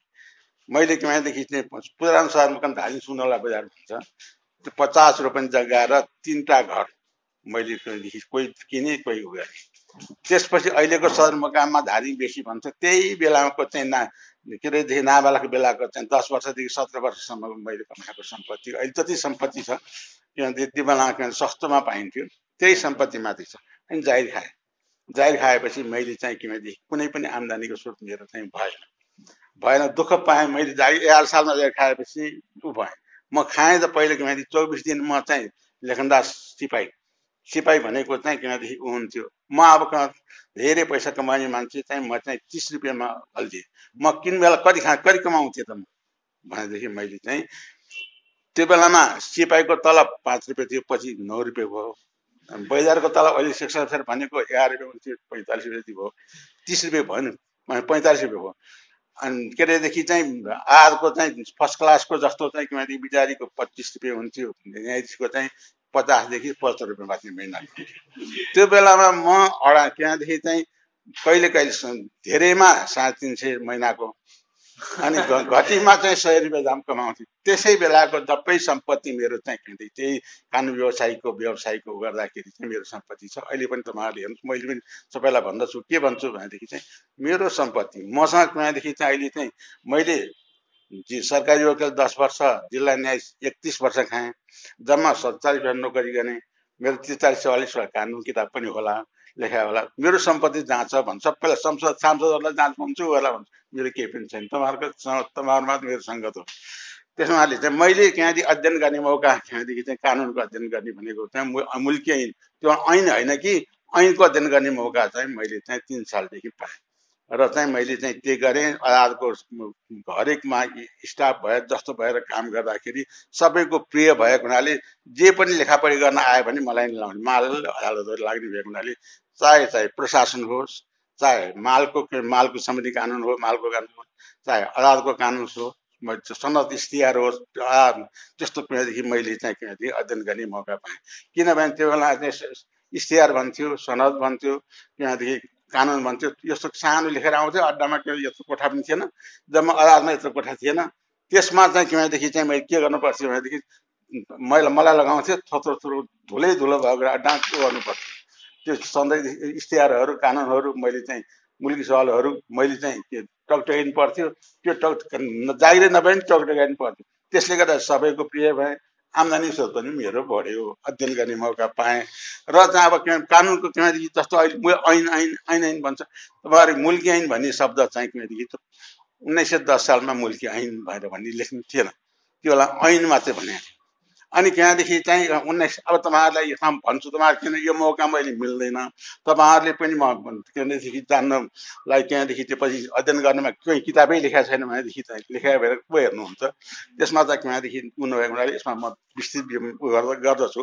कि मूलिक भन्ने कुराहरू चाहिँ के भयो भनेदेखि चाहिँ पहिला पहिला ऐन ऐन के अरे पहिलो भाग ऐन दोस्रो भाग ऐन तेस्रो भाग ऐन चौथो भाग ऐन पाँचौँ भाग भन्ने चाहिँ थियो। थियो अनि मूल ज्ञान भन्ने थिएन। त्यहाँदेखि चार साल पाँच सालमा एउटा आदिमन्त्रको शब्द ए उसमा त्यहाँदेखि चाहिँ के शब्द ऊ भएर दुई तिन नम्बर भएको आदिमन्त्रमा त्यहाँ मुल्की ऐन भन्ने चाहिँ शब्द राख्यो। पछि चाहिँ पाँच सालदेखि प्रकाश भएको ऐनमा मुल्की ऐन मुल्की ऐन मुल्की ऐन भन्दै गऱ्यो अहिले तपाईँको उन्नाइस सय दस सालको मुल्की ऐन भएर भन्नुहुन्छ मुल्की ऐन भने बाइस सालमा लेखेको त्यो सिफारिसको यो तत्कालीन सिफारिस सरकार कानुन मन्त्रालयले छापेकोमा मात्रै चाहिँ मुल्की ऐन हो पहिला चाहिँ के थिएन। त्यो अहिले अहिले त्यो बना बाई मुल्किन मुल्किन भनेको उन्नाइस सय दसमा थिएँ थिएन त्यस हुनाले अहिले पछि भएको है अनि त्यसमा हुनाले तपाईँ यो मुल्किन कसरी भयो? कसरी आयो?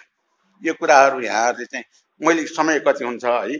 तर मैले यसको जानकारी दिनु पाउनु किन तपाईँहरूलाई कानुनमा लेखेको छैन? कहीँ अध्ययन गर्न पाउनुहुन्न? तपाईँहरूसँग भेट्ने मौका मैले पाउँछु पाउँदिनँ। कति समय दिनुहुन्छ अहिले फेरि? है है त्यसै हुनाले चाहिँ त्यो यो के भयो भनेदेखि चाहिँ पहिलाको यो यो किनदेखि पहिला चाहिँ किनदेखि यो उन्नाइस सय दसभन्दा अगाडि ऐन थिएन। ऐन थिएन किनदेखि चाहिँ पृथ्वीनारायण शाहले नेपालको एकीकरण गरेपछि र चाहिँ के सबै के यो के अरेदेखि चाहिँ नेपाल चाहिँ किनदेखि चाहिँ सबै जातको के अरे चार वर्ण साथै जातको फुलबारी हो भनेपछि उहाँले पनि त्यसलाई पनि फुलबारी भएको समानता हिसाबले चाहिँ एउटा कानुन पनि राम्रो गरौँ भनेर चाहिँ विचार आयो। त्यसरी आइसकेपछि उहाँले कानुन तर्जुमा गर्नलाई चाहिँ किनभनेदेखि चाहिँ गर्नुभयो। उहाँको छोटै बाहन्न वर्षमा मृत्यु भइसक्यो हुनाले उहाँले कानुन त तयार गर्न लगाउनु भयो प्रताप सिंहको उहाँको छोरा चाहिँ प्रताप सिंह हो। प्रताप सिंहको पालामा केही कार्यान्वयन भयो।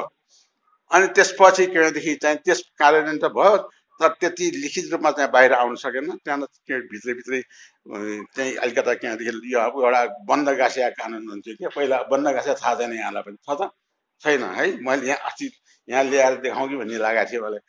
बन्द गाँसिया भने यो कागज हो। यो कागजलाई फेरि फेरि एउटा मा कागजले यो हातको मारले टाँस्यो टाँस्यो टाँस्यो गरेर त्यहाँदेखि यत्रो चाहिँ त्यस्तो त्यस्तो त्यस्तो किसिमको चाहिँ थियो। अनि त्यसपछि चाहिँ के भयो भनेदेखि चाहिँ रणबहादुरको पालामा पनि चाहिँ एउटा चाहिँ त्यहाँदेखि चाहिँ ऊ आयो। रणबहादुरको पालामा चाहिँ के केही सनदहरू चाहिँ ऊ भयो है? अब जस्तो के चाहिँ मलाई ऊ गर्नु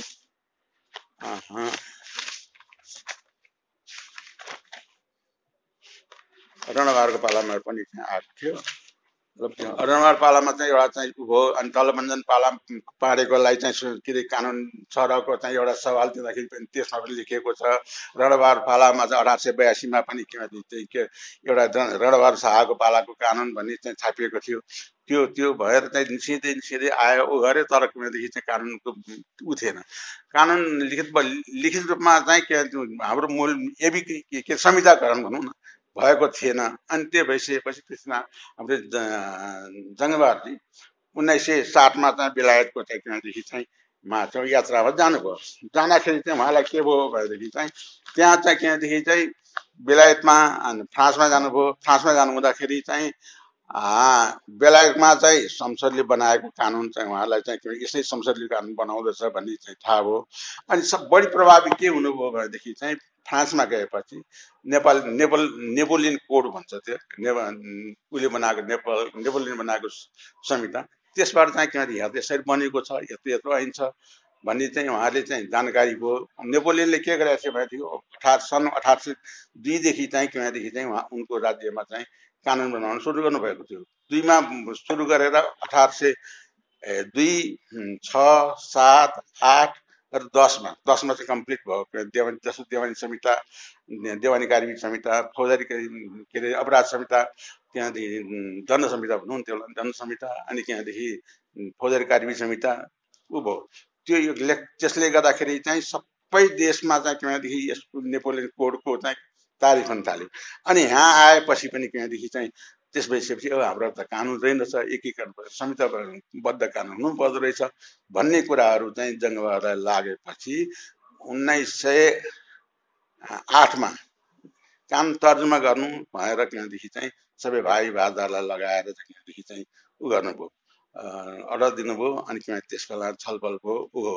छलफल भइसकेपछि त्यहाँ उन्नाइस सय दस सालमा त्यहाँदेखि चाहिँ यो मुल्की ऐन मुल्की ऐन भनौँ न त्यो बेला मुल्की त ऐन त भन्दैन ऐन चाहिँ ल्याइयो। एक सय त्रिसठी के अरेदेखि चाहिँ भागको भागको भनौँ कि के अरे महलको त्यहाँदेखि चाहिँ त्यो ऐन ल्याइयो। त्यो ऐन ल्याउनलाई पनि त्यहाँदेखि चाहिँ के अरे के के भयो भनेदेखि चाहिँ उसमा कसलाई भनेदेखि चाहिँ त्यो चारजना विद्वानहरूलाई चाहिँ त्यहाँदेखि चाहिँ लगाइएको थियो पोलिटिकाइनको अनि त्यो त्यो तयार भयो त भयो तर त्यहाँदेखि चाहिँ त्यसमा चाहिँ त्यो मूर्तिमा के थियो भनेदेखि चाहिँ धेरै जस्तो देवानी महल थोरै छ। अनि फौजारी महलमा चाहिँ किनदेखि जातीय किनदेखि चाहिँ फौजारी महलहरू धेरै धेरै धेरै छन्।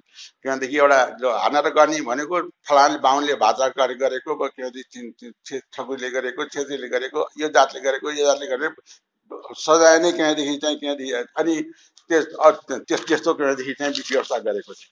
अनि त्यसमा त्यहाँदेखि चाहिँ के भयो भनेदेखि चाहिँ अनि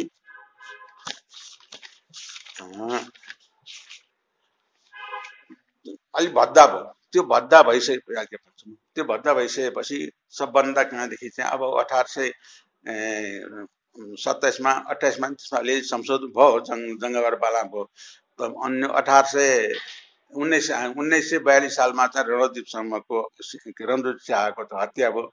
हत्या भएपछि वीर शमशेरले कानुन तर्जुमा गर्नलाई चाहिँ किनभने चाहिँ धेरै धेरै चाहिँ ऐनमा ल ल राम्रो उ गर्नु। यो पहिलाको चाहिँ यो मुल्की त्यो उन्नाइस सय दस सालको ऐन चाहिँ माझमा चाहिँ के भयो भनेदेखि चाहिँ दोहोरिएको तेरिएको कहाँ कहाँ किनभने त्यही त्यति राम्रो भएन। गर्नु भनेर भनिसकेपछि चाहिँ अनि त्यहाँ बयालिस साल के अरे डिसेम्बरमा चाहिँ के अरे रणवीरको हत्या र रणुदीपको हत्या भयो। हत्या त्यहाँ ऐन कानुन बनाउन सुरु भयो। ऐन कानुन ऐन कानुन बनाउन सुरु भइसकेपछि चाहिँ उन्नाइस सय त्रिचालिस सालदेखि चाहिँ त्यहाँमा चाहिँ त्यो ऐन चाहिँ के अरेदेखि बन्यो। बन्यो। अहिलेको जुन पाँच भाग भन्नुहुन्छ त्यो उन्नाइस सय त्रिचालिस सालमा चाहिँ मा नै सुरु भएको पाँच भाग। पहिलो भाग दोस्रो भाग तेस्रो भाग चौधो भाग पाँचौँ भाग भन्ने चाहिँ त्यो भयो। त्यस एउटा त्यो एउटा कहाँदेखि चाहिँ यति राम्रोसँग तर्जमाकारले त्यस बेलाको विद्वान तर्जमाकारले यति राम्रोसँग उ गरेको त्यो ऐनलाई चाहिँ त्यहाँदेखि त्यति ऊ भएन। त्यहाँदेखि संशोधन चाहिँ भएन। हुन त त्यहाँदेखि चाहिँ त्यो त्रिचालिस सालको ऐनलाई चाहिँ के अरे उसले अन्ठाउन्न सालमा ऊ भइसकेपछि चन्द्रसुज राजा भएपछि चाहिँ सिद्धिन महाराज भए राज सिद्धिन महाराज नै राजा राजा भएपछि उसले पनि संशोधन गरे। अनि अन् त्यसमा पनि आमूल परिवर्तन त्यसमा पनि के गर्यो भनेदेखि चाहिँ उन्नाइस सय चौरासी सालमा चाहिँ किनभनेदेखि चाहिँ मुल्की ऐनमा त्यो ऐनमा चाहिँ संशोधन गर्यो। संशोधन गरिसकेपछि चाहिँ उन्नाइस सय चौरासी सालमा पनि चाहिँ किनभनेदेखि चाहिँ गर्दाखेरि पनि राम्रो धेरै संशोध त भएन।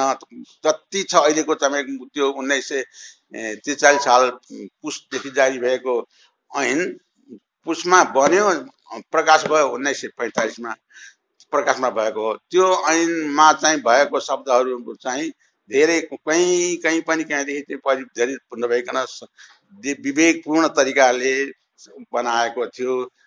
ठुला ठुला भाडदार राखेर बनाएको थियो। अहिले अहिले जस्तो आजको चाहिँ भोलिपल्ट संशोधन हुने व्यवस्था थिएन। त्यसमा अलिकता चाहिँ त्यहाँ बुद्धि पुर्याएन भने त्यो बेला जागिर जान्थ्यो। त्यो कामको मूल्याङ्कन हुन्थ्यो।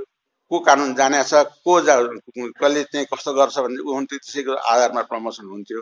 अनि चौरासी सालमा त्यहाँदेखि चाहिँ के अरेदेखिमा पनि राम्रोसँग ऐन बन्यो। त्यो त्यो ऐन बनेकोमा के हुन्थ्यो भनेदेखि तपाईँलाई म देखाइदिन्थेँ यहाँ ल्याउनलाई त्यो प्रत्येक एकदम के अरेदेखि एक एक दफा भयो नम्बर भन्थ्यो। एक नम्बर भयो एक नम्बरको सुरुमा पनि छाप लाग्यो त्यो सकेको बेला पनि छाप लाग्यो। चन्द्र छाप लाग्थ्यो थप गर्न कसैले गर्न नपाओस् भने लाग्थ्यो कि? त्यस्तो थियो। त्यस्तो थियो। प्रत्येक एक नम्बर भयो एक नम्बरको माथि छाप ला तल ला चन्द्र दुई नम्बर भयो माथि ला तल लाग्थ्यो कस कसैले घटबड गर्न नपाओस् भनेर ऐन पनि पुग्थ्यो कि त्यसरी त्यहाँदेखि चाहिँ उ भयो अनि त्यसपछि चाहिँ के अरे उन्नाइस सय बयानब्बे सालमा त्यसको लागि चाहिँ शमशेर प्रधानमन्त्री भएपछि उन्नाइस सय बयानब्बे सालमा चाहिँ फेरि प्रकाश उन्नाइस सय बयालिस के अरे बयानब्बे सालमा प्रकाश भइसकेपछि चाहिँ एउटा कहाँदेखि चाहिँ त्यस बेलाको कहाँदेखि बुद्धिमत्तापूर्ण कहाँदेखि कानुनहरू थियो तर्जुमाका राम्रो थियो र चाहिँ कहाँदेखि भरसँग चाहिँ कहाँदेखि जनताको कहाँदेखि चाहिँ यसलाई न्याय पाउन् अनि मुद्दामा तैकात गर्दाखेरि पनि त्यहाँदेखि चाहिँ के अरे सही न्याय होस् भन्ने कुरा विचार गर्थ्यो र जस्तो बयानब्बे सालको एउटा विशेषता के छ भनेदेखि चाहिँ जुसप्रुनेन्स यो जेपी जैन भन्नेको चाहिँ जुन मोडी भन्छन् नि तिनको चाहिँ पहिलो कुरादेखि चाहिँ के अरे चाहिँ यो मेडिकल जुरिस्प्रुडेन्स उन्नाइस सय बिस सालमा उन्नाइस सन् उन्नाइस सय बिस सालमा प्रकाश भयो। त्यसको स्वर उन्नाइस सय बिस सालको उन्नाइस सय बयानब्बे भनेको चाहिँ उन्नाइस सय छत्तिस साल।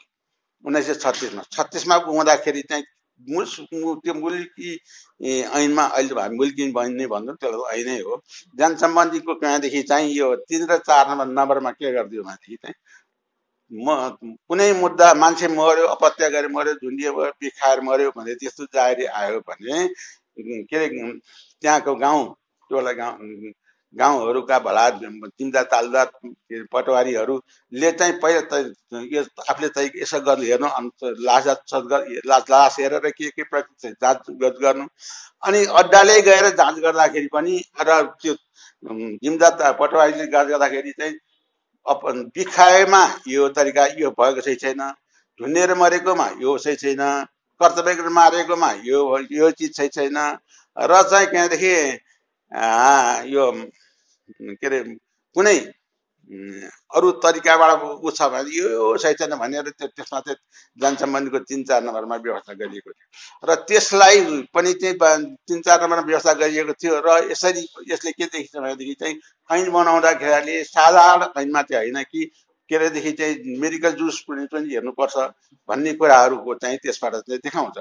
त्यस त्यो त्यो थियो त्यो चाहिँ त्यो ऐन त्यो दफाहरू चाहिँ बयानब्बे सालमा प्रकाश भएको मुलिक ऐनमा अनि पाँच सालमा प्रकाश भएको मुलिक ऐनमा नौ सालमा प्रकाश भएको मुलिक ऐनमा र बाह्र सालमा प्रकाश भएको मुलिक ऐनमा यथावत रह्यो। अब यसलाई के भने उन्नाइस सय के अरेदेखि यो दुई हजार बिस सालमा ऐनमा बन्यो। ऐनमा बनेको बनेको ऐनमा पनि ज्यानसम्बन्धीको दुई नम्बर र तिन नम्बरमा चाहिँ त्यो कुरा चाहिँ यथावत राखियो। त्यो यथावत राखियो। त्यो के भनेदेखि त्यो राख्नै पर्छ। जाँच लास जाँच गर्दाखेरि यो राख्नै पर्ने रहेछ।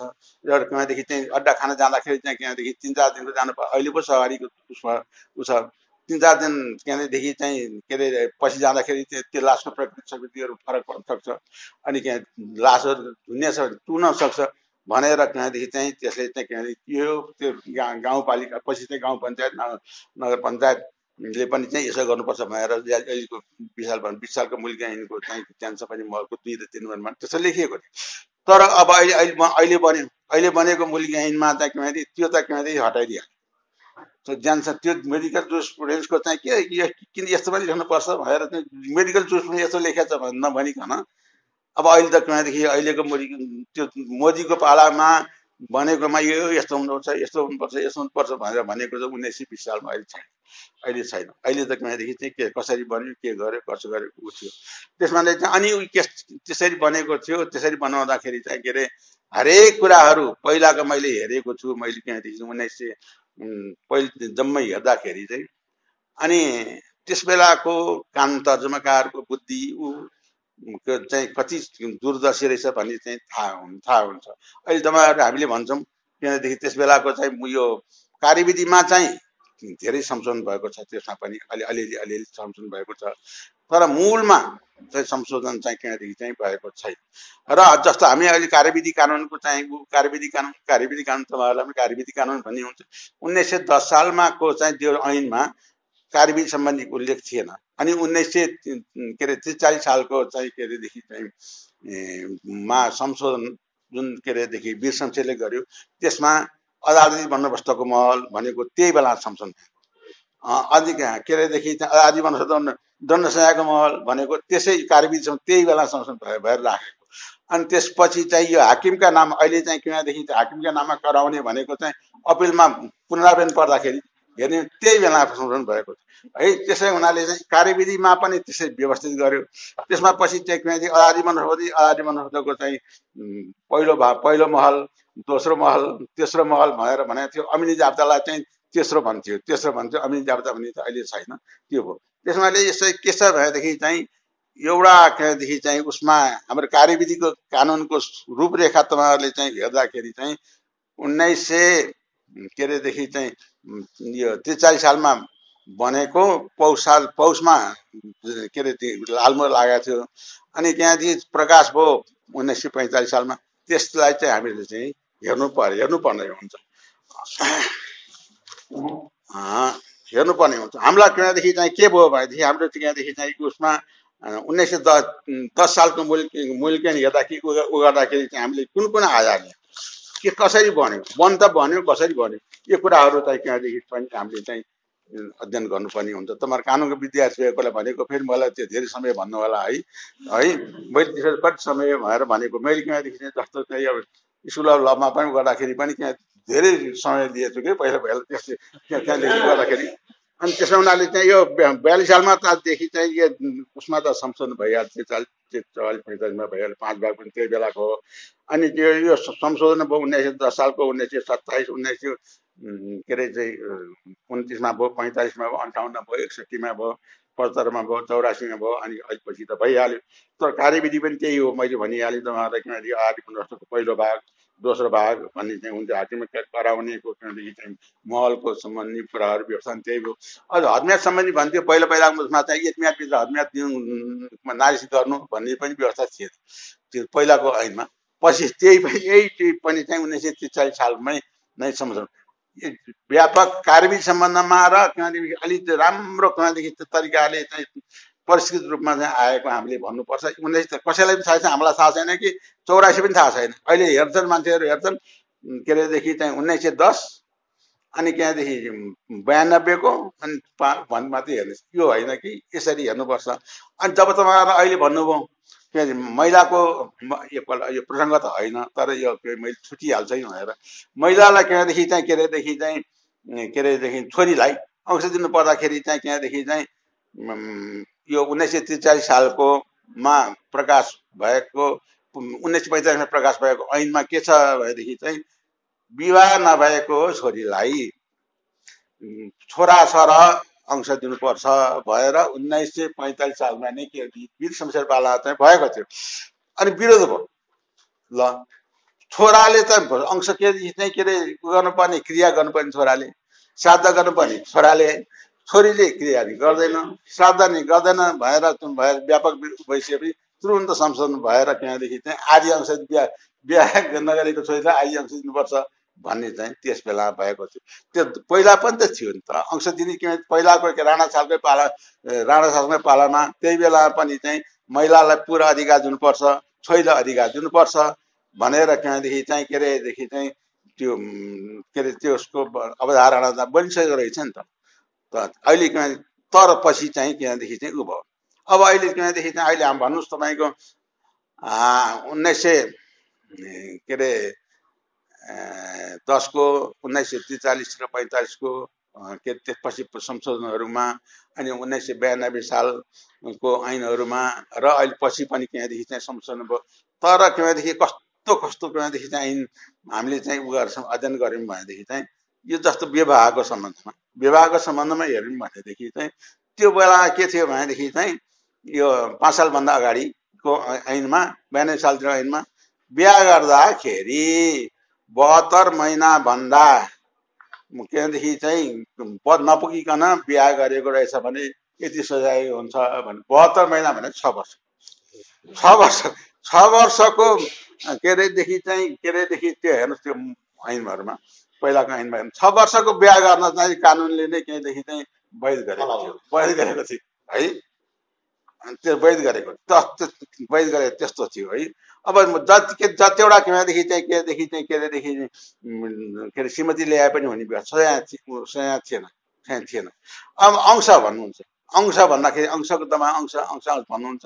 अंशको व्यवस्था पनि चाहिँ केदेखि चाहिँ जातको आधारमा ल्याइते स्वाहानी ब्याइते स्वाहानी अनि जात कुन जातको ल्याएको त्यसको आधारमा खण्डै ऊ हुन्थ्यो? यति खण्ड यति खण्ड यति खण्ड एक खण्ड दुई खण्ड तिन खण्ड चार खण्ड पाँच खण्ड पाँच खण्ड यतिको यति अंश दिनु भनेर व्यवस्था थियो। त्यसमा कति अव्यवहारिक थियो? एउटै किनदेखि चाहिँ के जारी गरेर ल्याएकोले बेग्लै बिहा गरेकोले बेग्लै ल्याइदिए त्यसै ल्याएकोलाई बेग्लै अब त्यसो थियो। अनि विधवालाई के अरे विधवा भन्नुकोलाई चाहिँ के थियो भनेदेखि चाहिँ त्यो बेला चाहिँ विधवा अंशधनको चाहिँ किनदेखि चाहिँ त्यो उसको उन्नाइस सय दसदेखिकै ऐनहरूमा विधवा अंशधनको भन्थ्यो। विधवालाई चाहिँ धेरै खुसी गरिन्थेन। अर्कोदेखि चाहिँ अरूहरूको कि चाहिँ के अरेदेखि उसको लिनु पर्थ्यो। देवर जेठाजुको छोराहरूको सुकी दिनु पर्थ्यो। उसले आफ्नो सम्पत्ति पनि के अरे चाहिँ खुस गर्न पाउँथेन। त्यस किसिमको व्यवस्था थियो है। त्यसले हुनाले चाहिँ के कस्तो थियो भन्ने कुराहरू अहिले तपाईँहरूले चाहिँ त्यो तपाईँले हेर्नुपर्छ। अंशभण्डाको महल बिहाबरीको महलहरूमा चाहिँ त्यो हेर्नुपर्छ। त्यहाँदेखि चाहिँ अनि अब हामीलाई अहिलेको परिवर्तनमा हेर्दाखेरि कस्तो इतिहास पढ्दाखेरि कस्तो कस्तो कस्तो लाग्छ।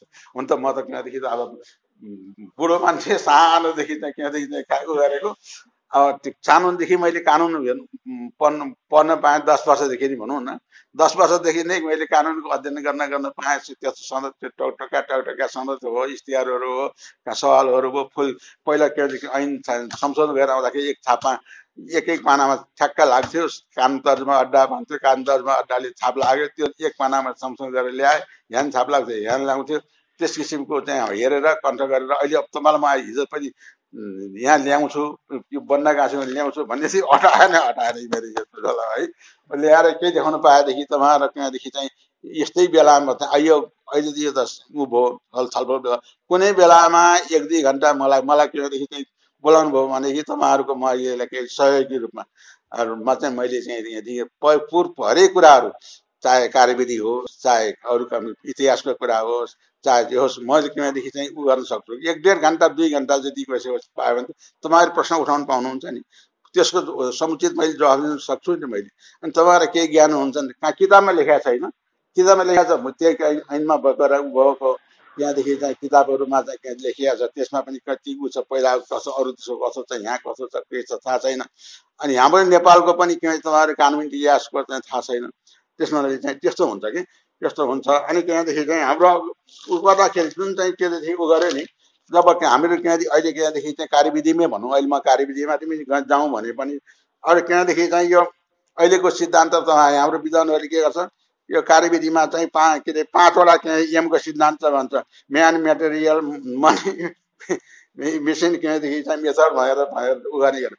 त्यस बेलामा हाम्रो यो बयालिस बयालिस सालमा पछिको चाहिँ त्रिचालिसदेखि चाहिँ पैँतालिससम्मको जुन संशोधन भयो त्यस सम्बन्धमा चाहिँ के अदालती बन्दोबस्तमा तपाईँको जुन अहिलेको चाहिँ पाँचवटा भनेको छ त्यसभन्दा जम्मै किनदेखि जस्तो किनदेखि चाहिँ यो के इजलास सम्बन्धी कुराहरूमा जुरिस्डिक्सन सम्बन्धमा डेट अफ हियरिङको सम्बन्धमा पावर अफ एटोर्नीको सम्बन्धमा के अरे के अरे के फाइलिङ केसको फाइलिङमा सम्बन्धमा के वारेन्टको सम्बन्धमा के अरे कति बेला जुडिसियल कस्टडीको सम्बन्धमा अनि त्यहाँ प्रत्युत्तर जिल्लाको सम्बन्धमा के अरे चाहिँ साक्षीको परीक्षण अनि साहब के अरेदेखि विटनेसको सम्बन्धमा डिसिजनको सम्बन्धमा अब त्यहाँदेखि रेफरेन्स अथवा के अरे पुनरावेदनको सम्बन्धमा हरेक कुरा यो प्राङ न्यायको सम्बन्धमा जम्मै प्राङ न्याय नेचुरल जस्टिसको सम्बन्धमा जम्मै त्यहाँदेखि चाहिँ व्यवस्था भएको देखिन्छ। तपाईँहरू हेर्नु तपाईँहरू पहिलाको हेर्नुहोस् के उन्नाइस दस सालमा हेर्नुहोस्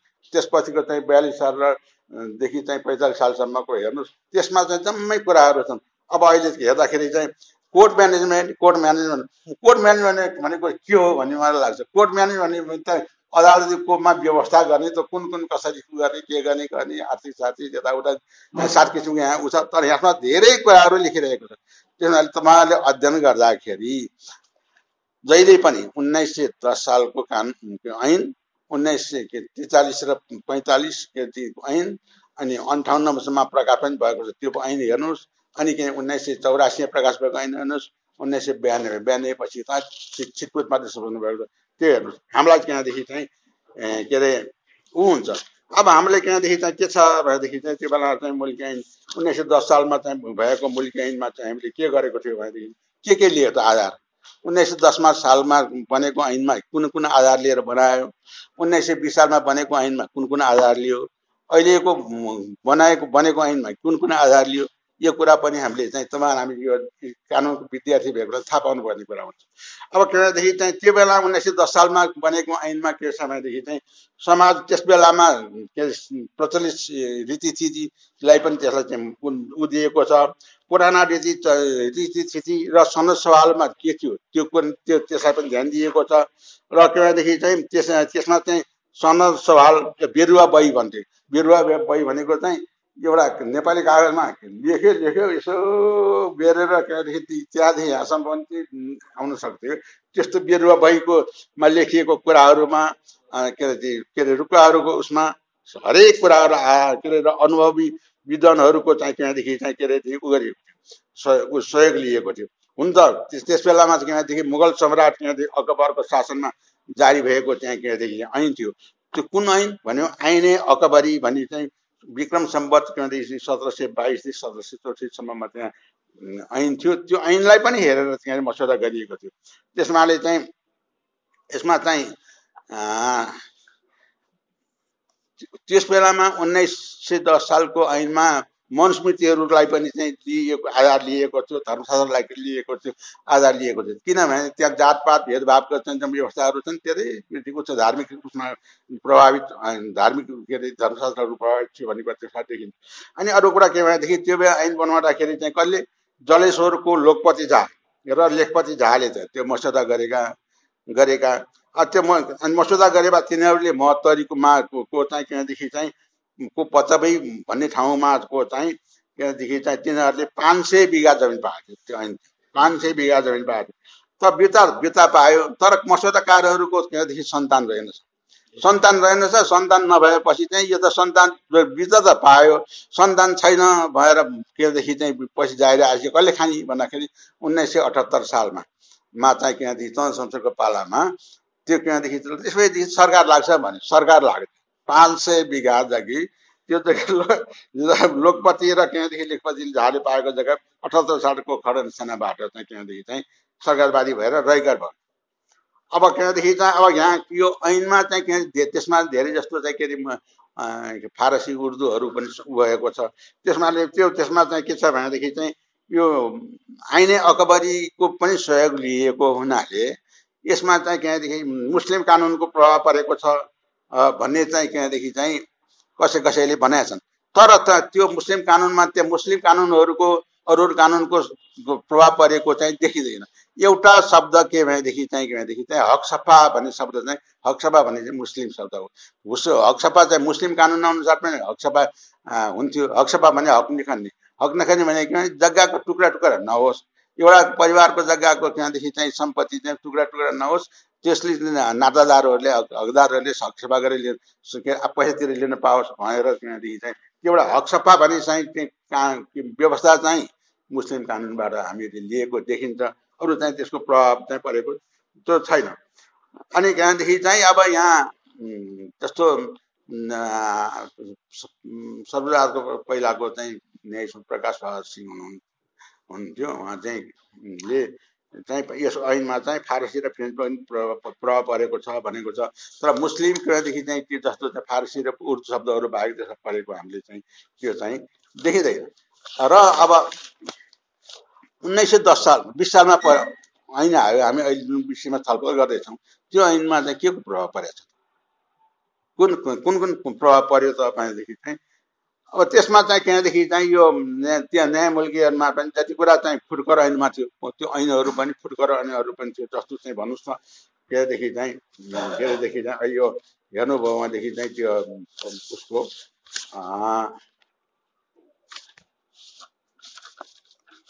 धेरै ऐनको त्यहाँदेखि चाहिँ के अरेदेखि चाहिँ चौरासी सालको मुल्क ऐनमा चाहिँ पहिलो भागमा आठ के अरे आठ महल दोस्रो भागमा पन्ध्र महल तेस्रो भागमा त्यहाँदेखि चाहिँ के अरे पच्चिस महल चौथो भागमा त्यहाँदेखि तेह्र महल तेह्र महल चौथो पाँचौँ भागमा चाहिँ तेह्र के अरे चाहिँ एक बाइस महल यसरी जारी भएको थियो। त्यसमा चाहिँ जम्मै त्यहाँदेखि त्यो त्यो चौरासी सालमा भएको चाहिँ बयालिस सालमा त्यही अलिअलि मैले परिवर्तन भयो महल त्यति नै भयो। अनि पाँच सालमा त्यहाँ पाँच सालमा नौ सालमा बाह्र सालमा प्रकाश भयो त्यो चाहिँ भयो ती कुराहरूलाई चाहिँ त्यसले हेरेर त्यसलाई चाहिँ जति जति चाहिन्छ अहिलेको नेपालमा त कहिले सात सालमा के अन्तरिम संविधान भयो त्यहाँदेखि चाहिँ अब पन्ध्र सालमा ऐन के अरेदेखि संविधान भयो के अरे नयाँ संविधान आयो उन्नाइस सालमा नयाँ संविधान आयो ती ऐनहरू पहिलाका संवैधानिक व्यवस्थालाई चाहिँ मध्यनजर राखेर र चाहिँ पहिलाको केदेखि चाहिँ के त्यो ऐनमा चाहिँ कुन अनावश्यक कुरा जातपात भेदभावको चाहिँ किनदेखि चाहिँ के अरेदेखि चाहिँ उ गर्ने धर्मशास्त्रको प्रभाव परेका कुराहरूलाई चाहिँ झिकेर एउटा त्यहाँदेखि एउटा त्यहाँदेखि जुन जुन मूल मूल कुरा हो रस रस झिकेर चाहिँ त्यहाँदेखि सालको चाहिँ चाहिँ बनाइएको बना बनाइएको छ। त्यसमा चाहिँ अनावश्यक घरिघरि जातको जात के अरे छुवाछुतहरूको यस्ता यस्ता शब्दहरू अरू अरू त्यहाँदेखि चाहिँ अनावश्यक कुराहरू चाहिँ राखिएन नराखिकन त्यहाँदेखि चाहिँ त्यसरी बनाएको चाहिँ हो। अब त्यहाँदेखि चाहिँ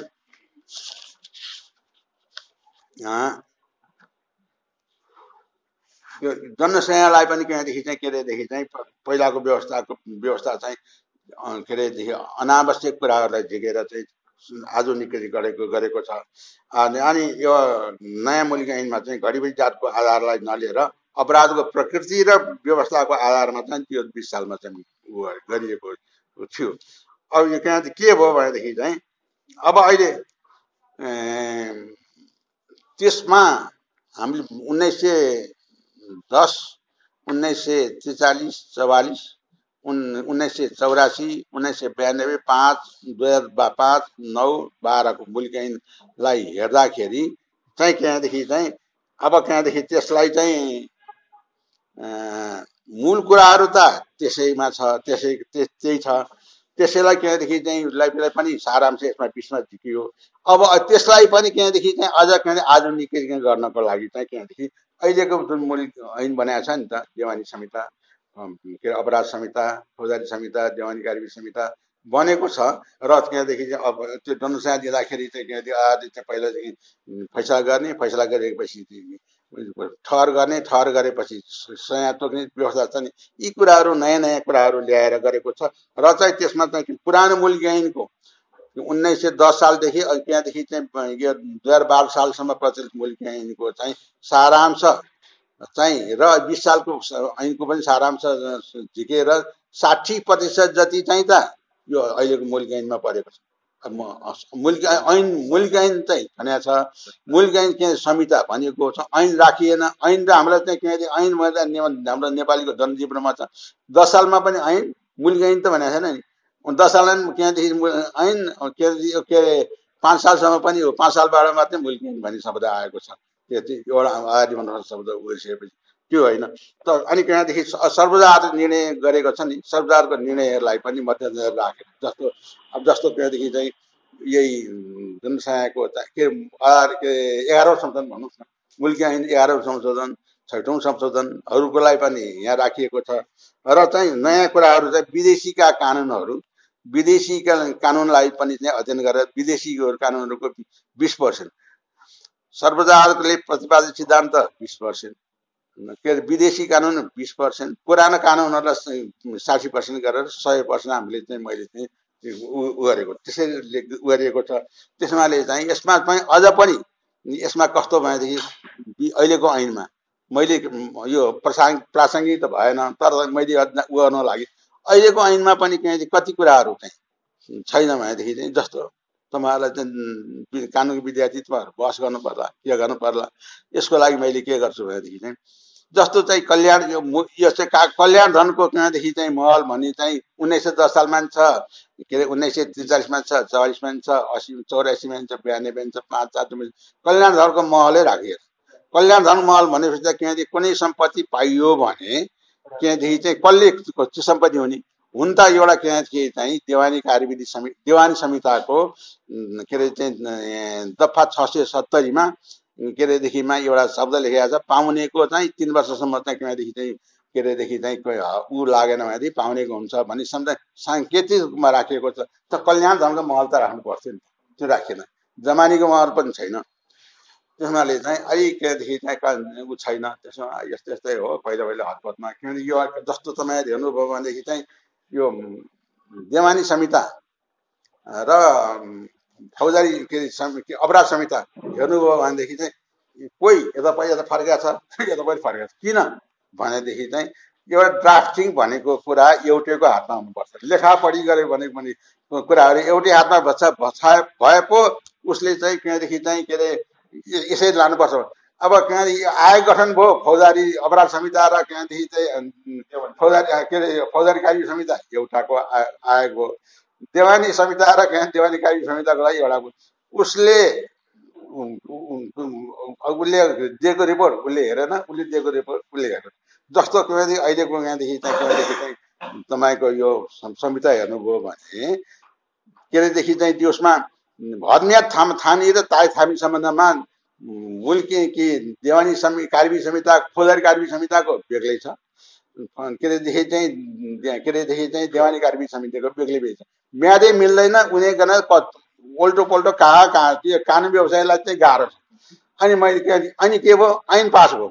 ऐन पास भयो त के हुन्छ भनेदेखि चाहिँ विधायिकाले अथवा त्यहाँदेखि चाहिँ के ड्राफ्ट गर्ने कानुन मन्त्रालयले अथवा उसले चाहिँ राम्रोसँग विधेयक पेस हुन सक्छ। तर संसदमा पास हुँदाखेरि चाहिँ के के हुन्छ भनेदेखि चाहिँ त्यो कुनै कानुन जाने छैन। कुनै कानुन जाने छैन किनदेखि यो यहाँ पढेको किनदेखि यहाँ गरेको सांसदहरू चाहिँ लेखे ल्याएको त कसरी बनाउनु होला? आफ्नो अनुकूल किनदेखि चाहिँ किनदेखि चाहिँ कानुन किनदेखि चाहिँ उनीहरूले बनाउनु पर्छ।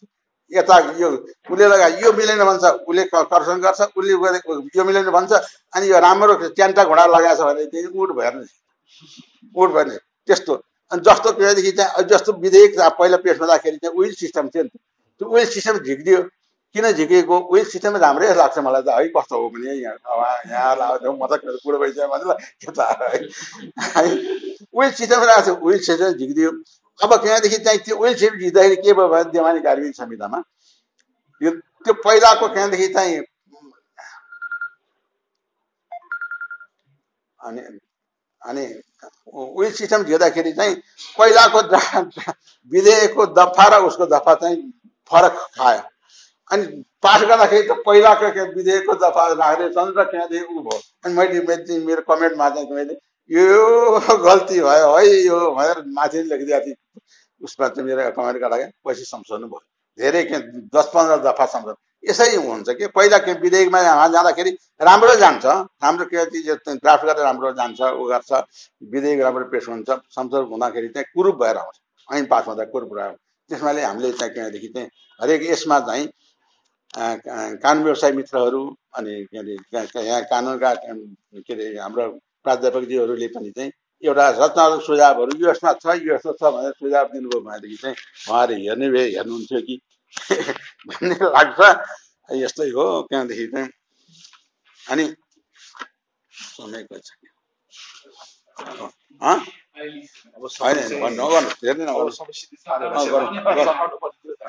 त्यो अझ दुई तिन घन्टा जान्छ त्यसमाले चाहिँ अब यहाँहरूलाई मेरो के छ म अब यहाँ जस्तो मैले अरे उसमा भने कान मलाई जिल्ला न्यायसम्म पढाउन नबढाउनु हाइकोर्ट भयो आउनु भन्छु म जुन चाहिँ एग्रिमेन्ट भने। अब मलाई यहाँ राख्नुहुन्थ्यो कुर्सी राखिदिने यहाँदेखि राखेर अनि यहाँ टेबल राखेर अनि माइक राखिदिने। म उठेर गर्छु। दुई अढाई घन्टा म उठेरै गर्छु बस। पढाउँछु उठेरै पढाउँछु है। त्यो है। त्यस भएर त्यहाँदेखि चाहिँ आफ्नो हो। तर यहाँहरूलाई त्यहाँदेखि चाहिँ आज यहाँ जुन जुन बाबुले त्यहाँदेखि उ गर्नुभयो सुलभजीले चाहिँ कार्यपद प्रस्तुत गर्नुभएको छ जे अध्ययनशील हुनुहुन्छ भन्थे यसले देखाउँछ। उहाँ चाहिँ त्यहाँदेखि उहाँको वाक्पटुता पनि उहाँको लेखन शैलीहरू पनिले पनि उहाँको त्यहाँदेखि चाहिँ उहाँको विद्युतता प्रदर्शन गर्छ। हाम्रो त्यहाँदेखि चाहिँ सरले पनि त्यहाँदेखि चाहिँ सबिन सरले अधिपताज्यूले पनि राम्रो राम्रो मैले कतिपय नसुनेको कुराहरू त्यहाँदेखि चाहिँ त्यहाँदेखि उहाँहरूले उ गर्नुभयो। म त त्यहाँदेखि बुढो मान्छे क्या घर कोठामा बसै बसिरह्यो। अब बसेर के गर्थ्यो? त्यति त्यति हो। मैले त्यहाँ यहाँहरूकोबाट पनि धेरै विद्वान उहाँकोबाट पनि धेरै सिक्न पाएँ मैले। तपाईँको कार्यपत्रबाट पनि धेरै सिक्न पाएँ। र मलाई म जस्तो त्यहाँ एउटा बुढो म अहिले म त्रियासी वर्षको छु। त्रियासी वर्षको छु म त्यहाँदेखि चाहिँ म चाहिँ के गर्छु भने म चार बजी उठ्छु। त्यहाँदेखि चार बजी उठ्छु अनि त्यहाँदेखि चाहिँ के अरे पूजा गर्छु। गीता पढ्छु भागवत पढ्छु गर्ग संहिता पढ्छु के अरू चन्दी सान्दी पढ्छु तपाईँ पाठ गर्छु। पाठ गरेर आएर पाठ गर्छु। उ गर्छु बिहान आएपछि चाहिँ त्यहाँदेखि चाहिँ अनि चिया खान्छु। चिया खान चिया खान खानुभन्दा अगाडि गोर्खापल्ट घर आउँछ बिहान सबैले नि कान्तिपुर आउँछ नागरिक आजको नागरिकमा के लेखेको छ तपाईँलाई एउटा मैले लेखेर च्यातेर यहाँ चाहिँ टाँसिहालेँ छ बजेर तिस मिनटमा मैले टाँसेको यो है यहाँ एउटा के रहेछ तपाईँलाई यो हेर्नुपर्छ। जस्तो के चाहिँ त्यहाँदेखि चाहिँ म पुरै हेर्छु म त्यो बेला अनि त्यसो चिया खान्छु। त्यो बेला के छ भने अहिलेको यो पहिलाको ऐन चन्द्र सुसेको बालामा पनि एउटा त्यहाँदेखि चाहिँ ऐन त थियो। मैले यो चाहिँ त्यो पतिया दिने काम पनि मैले गरेको छु। जस पतिया दिने भनेको कसो भनेदेखि चाहिँ कुनै मान्छेले त्यहाँदेखि चाहिँ प्रायश्चित्तको लागि जस्तो यहाँ भन्नुहोस् न लाउरे गयो लाउरमा गयो। सत्तर सालमा चाहिँ उन्नाइस सय सत्तर सालमा यो मान्छे लाउरे गएको छ। त्यो लाउर गएपछि चाहिँ गएपछि त अब त्यहाँ के खायो कसो गयो ऊ हो भनेदेखि त्यसलाई आएपछि शुद्ध गर्नको लागि चाहिँ के अरे लाउरेलाई चाहिँ पानीको पतिया दिएर पानीको पतिया हेर्नुहोस् त यहाँ के के लेखेको छ? पञ्चाम त्यहाँ यस्तो यो तपाईँले पढ्नुपर्छ। मैले लाग्छ मैले क्लासै टाँसिहालेँ। मसँग किनकि कैँची पनि हुन्छ गम पनि हुन्छ भात पनि हुन्छ मलिको हुन्छ। म त किनकि एउटा एउटा ज्यामी जस्तो। ज्यामी जस्तो मान्छे छु। है र त्यहाँ हेर्नुहोस् यहाँ तपाईँहरूमा यो माथि चाहिँ त्यहाँदेखि के के गर्नुपर्छ संस्कृत सुरक्षा है प्रायश्चित समाचार भनेर। प्रथम दिन अब लाहोर गएर आएको लडाइँमा लडाइँ आएको मान्छेले चाहिँ प्रथम दिन मुण्डन गरी माटो भस्म पञ्चगव्य लेपन गरी खानु खाने गर्नु। त्यस दिन त्यस दिनैमा भविष्य भनेको भोकै बसेर के अरे घाँस पन्ध्र घाँस खानु पहिलो दिन। पन्ध्र घाँस। अनि दोस्रो दिनमा बाह्र घाँस खाने। तेस्रो दिनमा नमागी कसैले खाना दियो भने दि दिनु नभए दिएन भने चौबिस ग्रास खानु भन्दै यसो यसो गरेर यसो गरेको छ त्यसमा लाउरी तिमी गयौ लडाइँ गऱ्यौ धन्यवाद छ भने शब्द लेखेर अनि त्यो के अरे सुवेदार धरमध्वज लिम्बूलाई चाहिँ दियो गरेर मैले आज टाँसेर लिएर आएको थिएँ। आजको यो कसले लेख्नु भएको रहेछ? राजकुमार दिगपाल पानी पतिया भनेको पतिया भनेर तपाईँहरू यो कुरा पनि मैले भन्न पाएँ कि। मैले किनदेखि पनि जस्तो चाहिँ त त्यो बेला क्यानमा के थियो भनेदेखि चाहिँ गाई दाम्लोमा परि मरेमा। गाई मरा गोठेमा गा दाम्लोमा परि मऱ्यो भने पनि चाहिँ उसले चाहिँ पतिया लिनुपर्छ। अनि पा यस्तै यस्तै यस्तै कुरा गर्थ्यो मैले पनि किनदेखि खटेसँग सवाल हेरेर यस्तो पतिया मेरो हातले पनि दिएको छु कि अदालतमा पहिले किनदेखि चाहिँ सानो कार्य नहुँदाखेरि यस्तै हो यस्तो तपाईँहरूलाई किनदेखि मैले चाहिँ करिब तिन दुई तिन घन्टा त्यहाँदेखि चाहिँ गरेर छलफल गर्न पाएँ भनेदेखि चाहिँ तपाईँहरूलाई मेरो आफ्नो ज्ञान सिप भन्ने कुराहरू चाहिँ मैले गर्न पाउँथेँ जस्तो लागेको छ। किनभने मैले के अरे लेखनदास कामै गरेदेखि चाहिँ तिन सालदेखि एघार सालसम्म गरेँ झन् दस वर्ष गरेँ दस वर्ष कालिन्दा काम गरेँ दस वर्ष सरकारी वकिल भएँ एकतिस वर्ष न्यायिक भएँ। है अब एकतिस वर्ष न्यायिक भएँ। त्यस हुनाले चाहिँ तपाईँ मेरो मैले सिकेका जति ज्ञान छ तपाईँहरूलाई बाँड्न पाएदेखि चाहिँ तपाईँहरूलाई किनदेखि चाहिँ काम गर्न सजिलो हुन्छ। र तपाईँहरूलाई मेरो के शुभकामना छ भनेदेखि चाहिँ ड्राफ्टिङमा तपाईँहरूले चाहिँ उ गर्नै पर्छ के अरे आर्ट अफ एडभोकेसी पनि तपाईँहरूले चाहिँ उ गर्नै पर्छ। ड्राफ्टिङ पनि चाहिँ कसैले चाहिँ बस गर्न गर्नुहुन्छ लेख्नलाई आउँदैन। कसैले लेख्नलाई भनेदेखि नआउने बस गर्न सिकाल्नु हुन्छ। दुइटैमा यहाँहरूलाई किनदेखि चाहिँ बोक्छ हुनुहोस्। मेरो शुभकामना छ। कुनै कुराहरू चाहिँ चाहियो भनेदेखि चाहिँ कुनै कुरा नयाँ कुराहरू कानुनका कुराहरू अरू केही कुरा गर्नुभयो भने पनि मलाई चाहिँ किनदेखि चाहिँ सम्झाउनु पाए हुन्छ।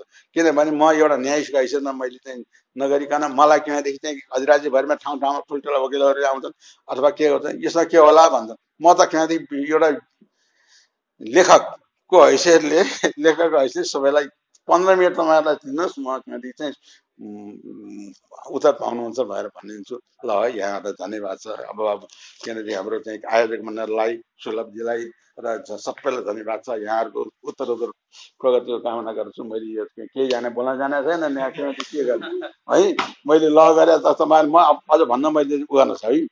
म त्यहाँदेखि चाहिँ के अरे मेरो इतिहास गर्दाखेरि मेरो तपाईँहरूले चाहिँ मैले चाहिँ सरकारी वकिल भएँ एक्काइस वर्षमा। ल गरेका थिइनँ एघार पास दिएको छु निजामती कानुन नपढिकन जानु दिन पाइन्थ्यो एघार पास। छ पास त्यहाँदेखि चाहिँ फर्स्टै भएँ फर्स्ट डिभिजनमै। पाँच पास भने कानुनहरू सहितको फर्स्ट डिभिजनै भएँ। ल नेपाली मात्रै। तर त्यहाँदेखि चाहिँ के अरे सरकारी वकिल भएँ एक्काइस वर्षमा। त्यहाँदेखि चाहिँ अब के अरे बच्चा बच्ची धेरै जन्मियो। हाम्रो चलनमा त्यस्तै थियो। चारवटा छोरी जन्मिएपछि त्यहाँदेखि चाहिँ र सरकारी वकिल भएको त्यहाँदेखि चाहिँ के अरेदेखि पाँच वर्षमा चाहिँ पो मैले एसएलसी दिएको उनातिस वर्षमा। है तर मैले प्रमोसन भनेको एक एक नम्बरमा।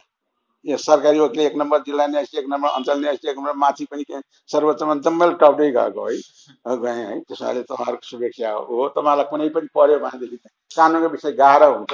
उ गर्नु होला। या म सहयोग गर्न तयार छु है। म फलानु म हामीहरू यसै सहभागी भएको थियौँ। फलानु भन्नु होला है। ल है।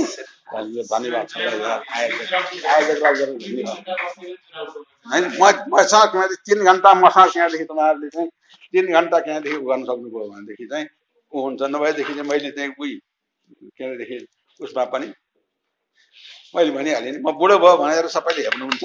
अनि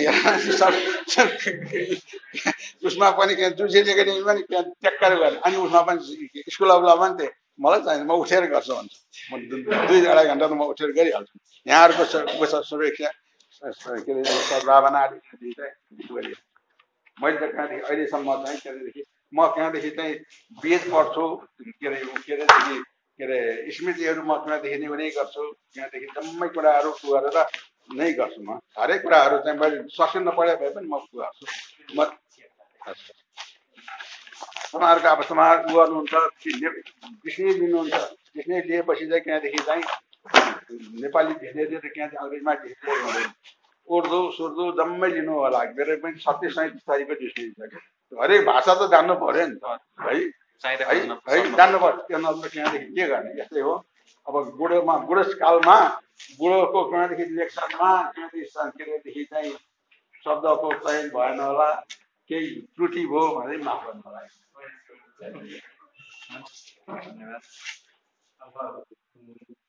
श्रीमानलाई धेरै धेरै धन्यवाद। श्रीमान आइदिनु हामीसँग भइदिनु। अब आज कतिसम्म छलफल के कति है? फेरि पनि श्रीमानसँग जुराउँछौँ तपाईँहरू सबैले इच्छा गर्दा फेरि पनि पार्लियामेन्टमा चाहिँ हरेक महिना यसै गरी एउटा गर्नुहोस्।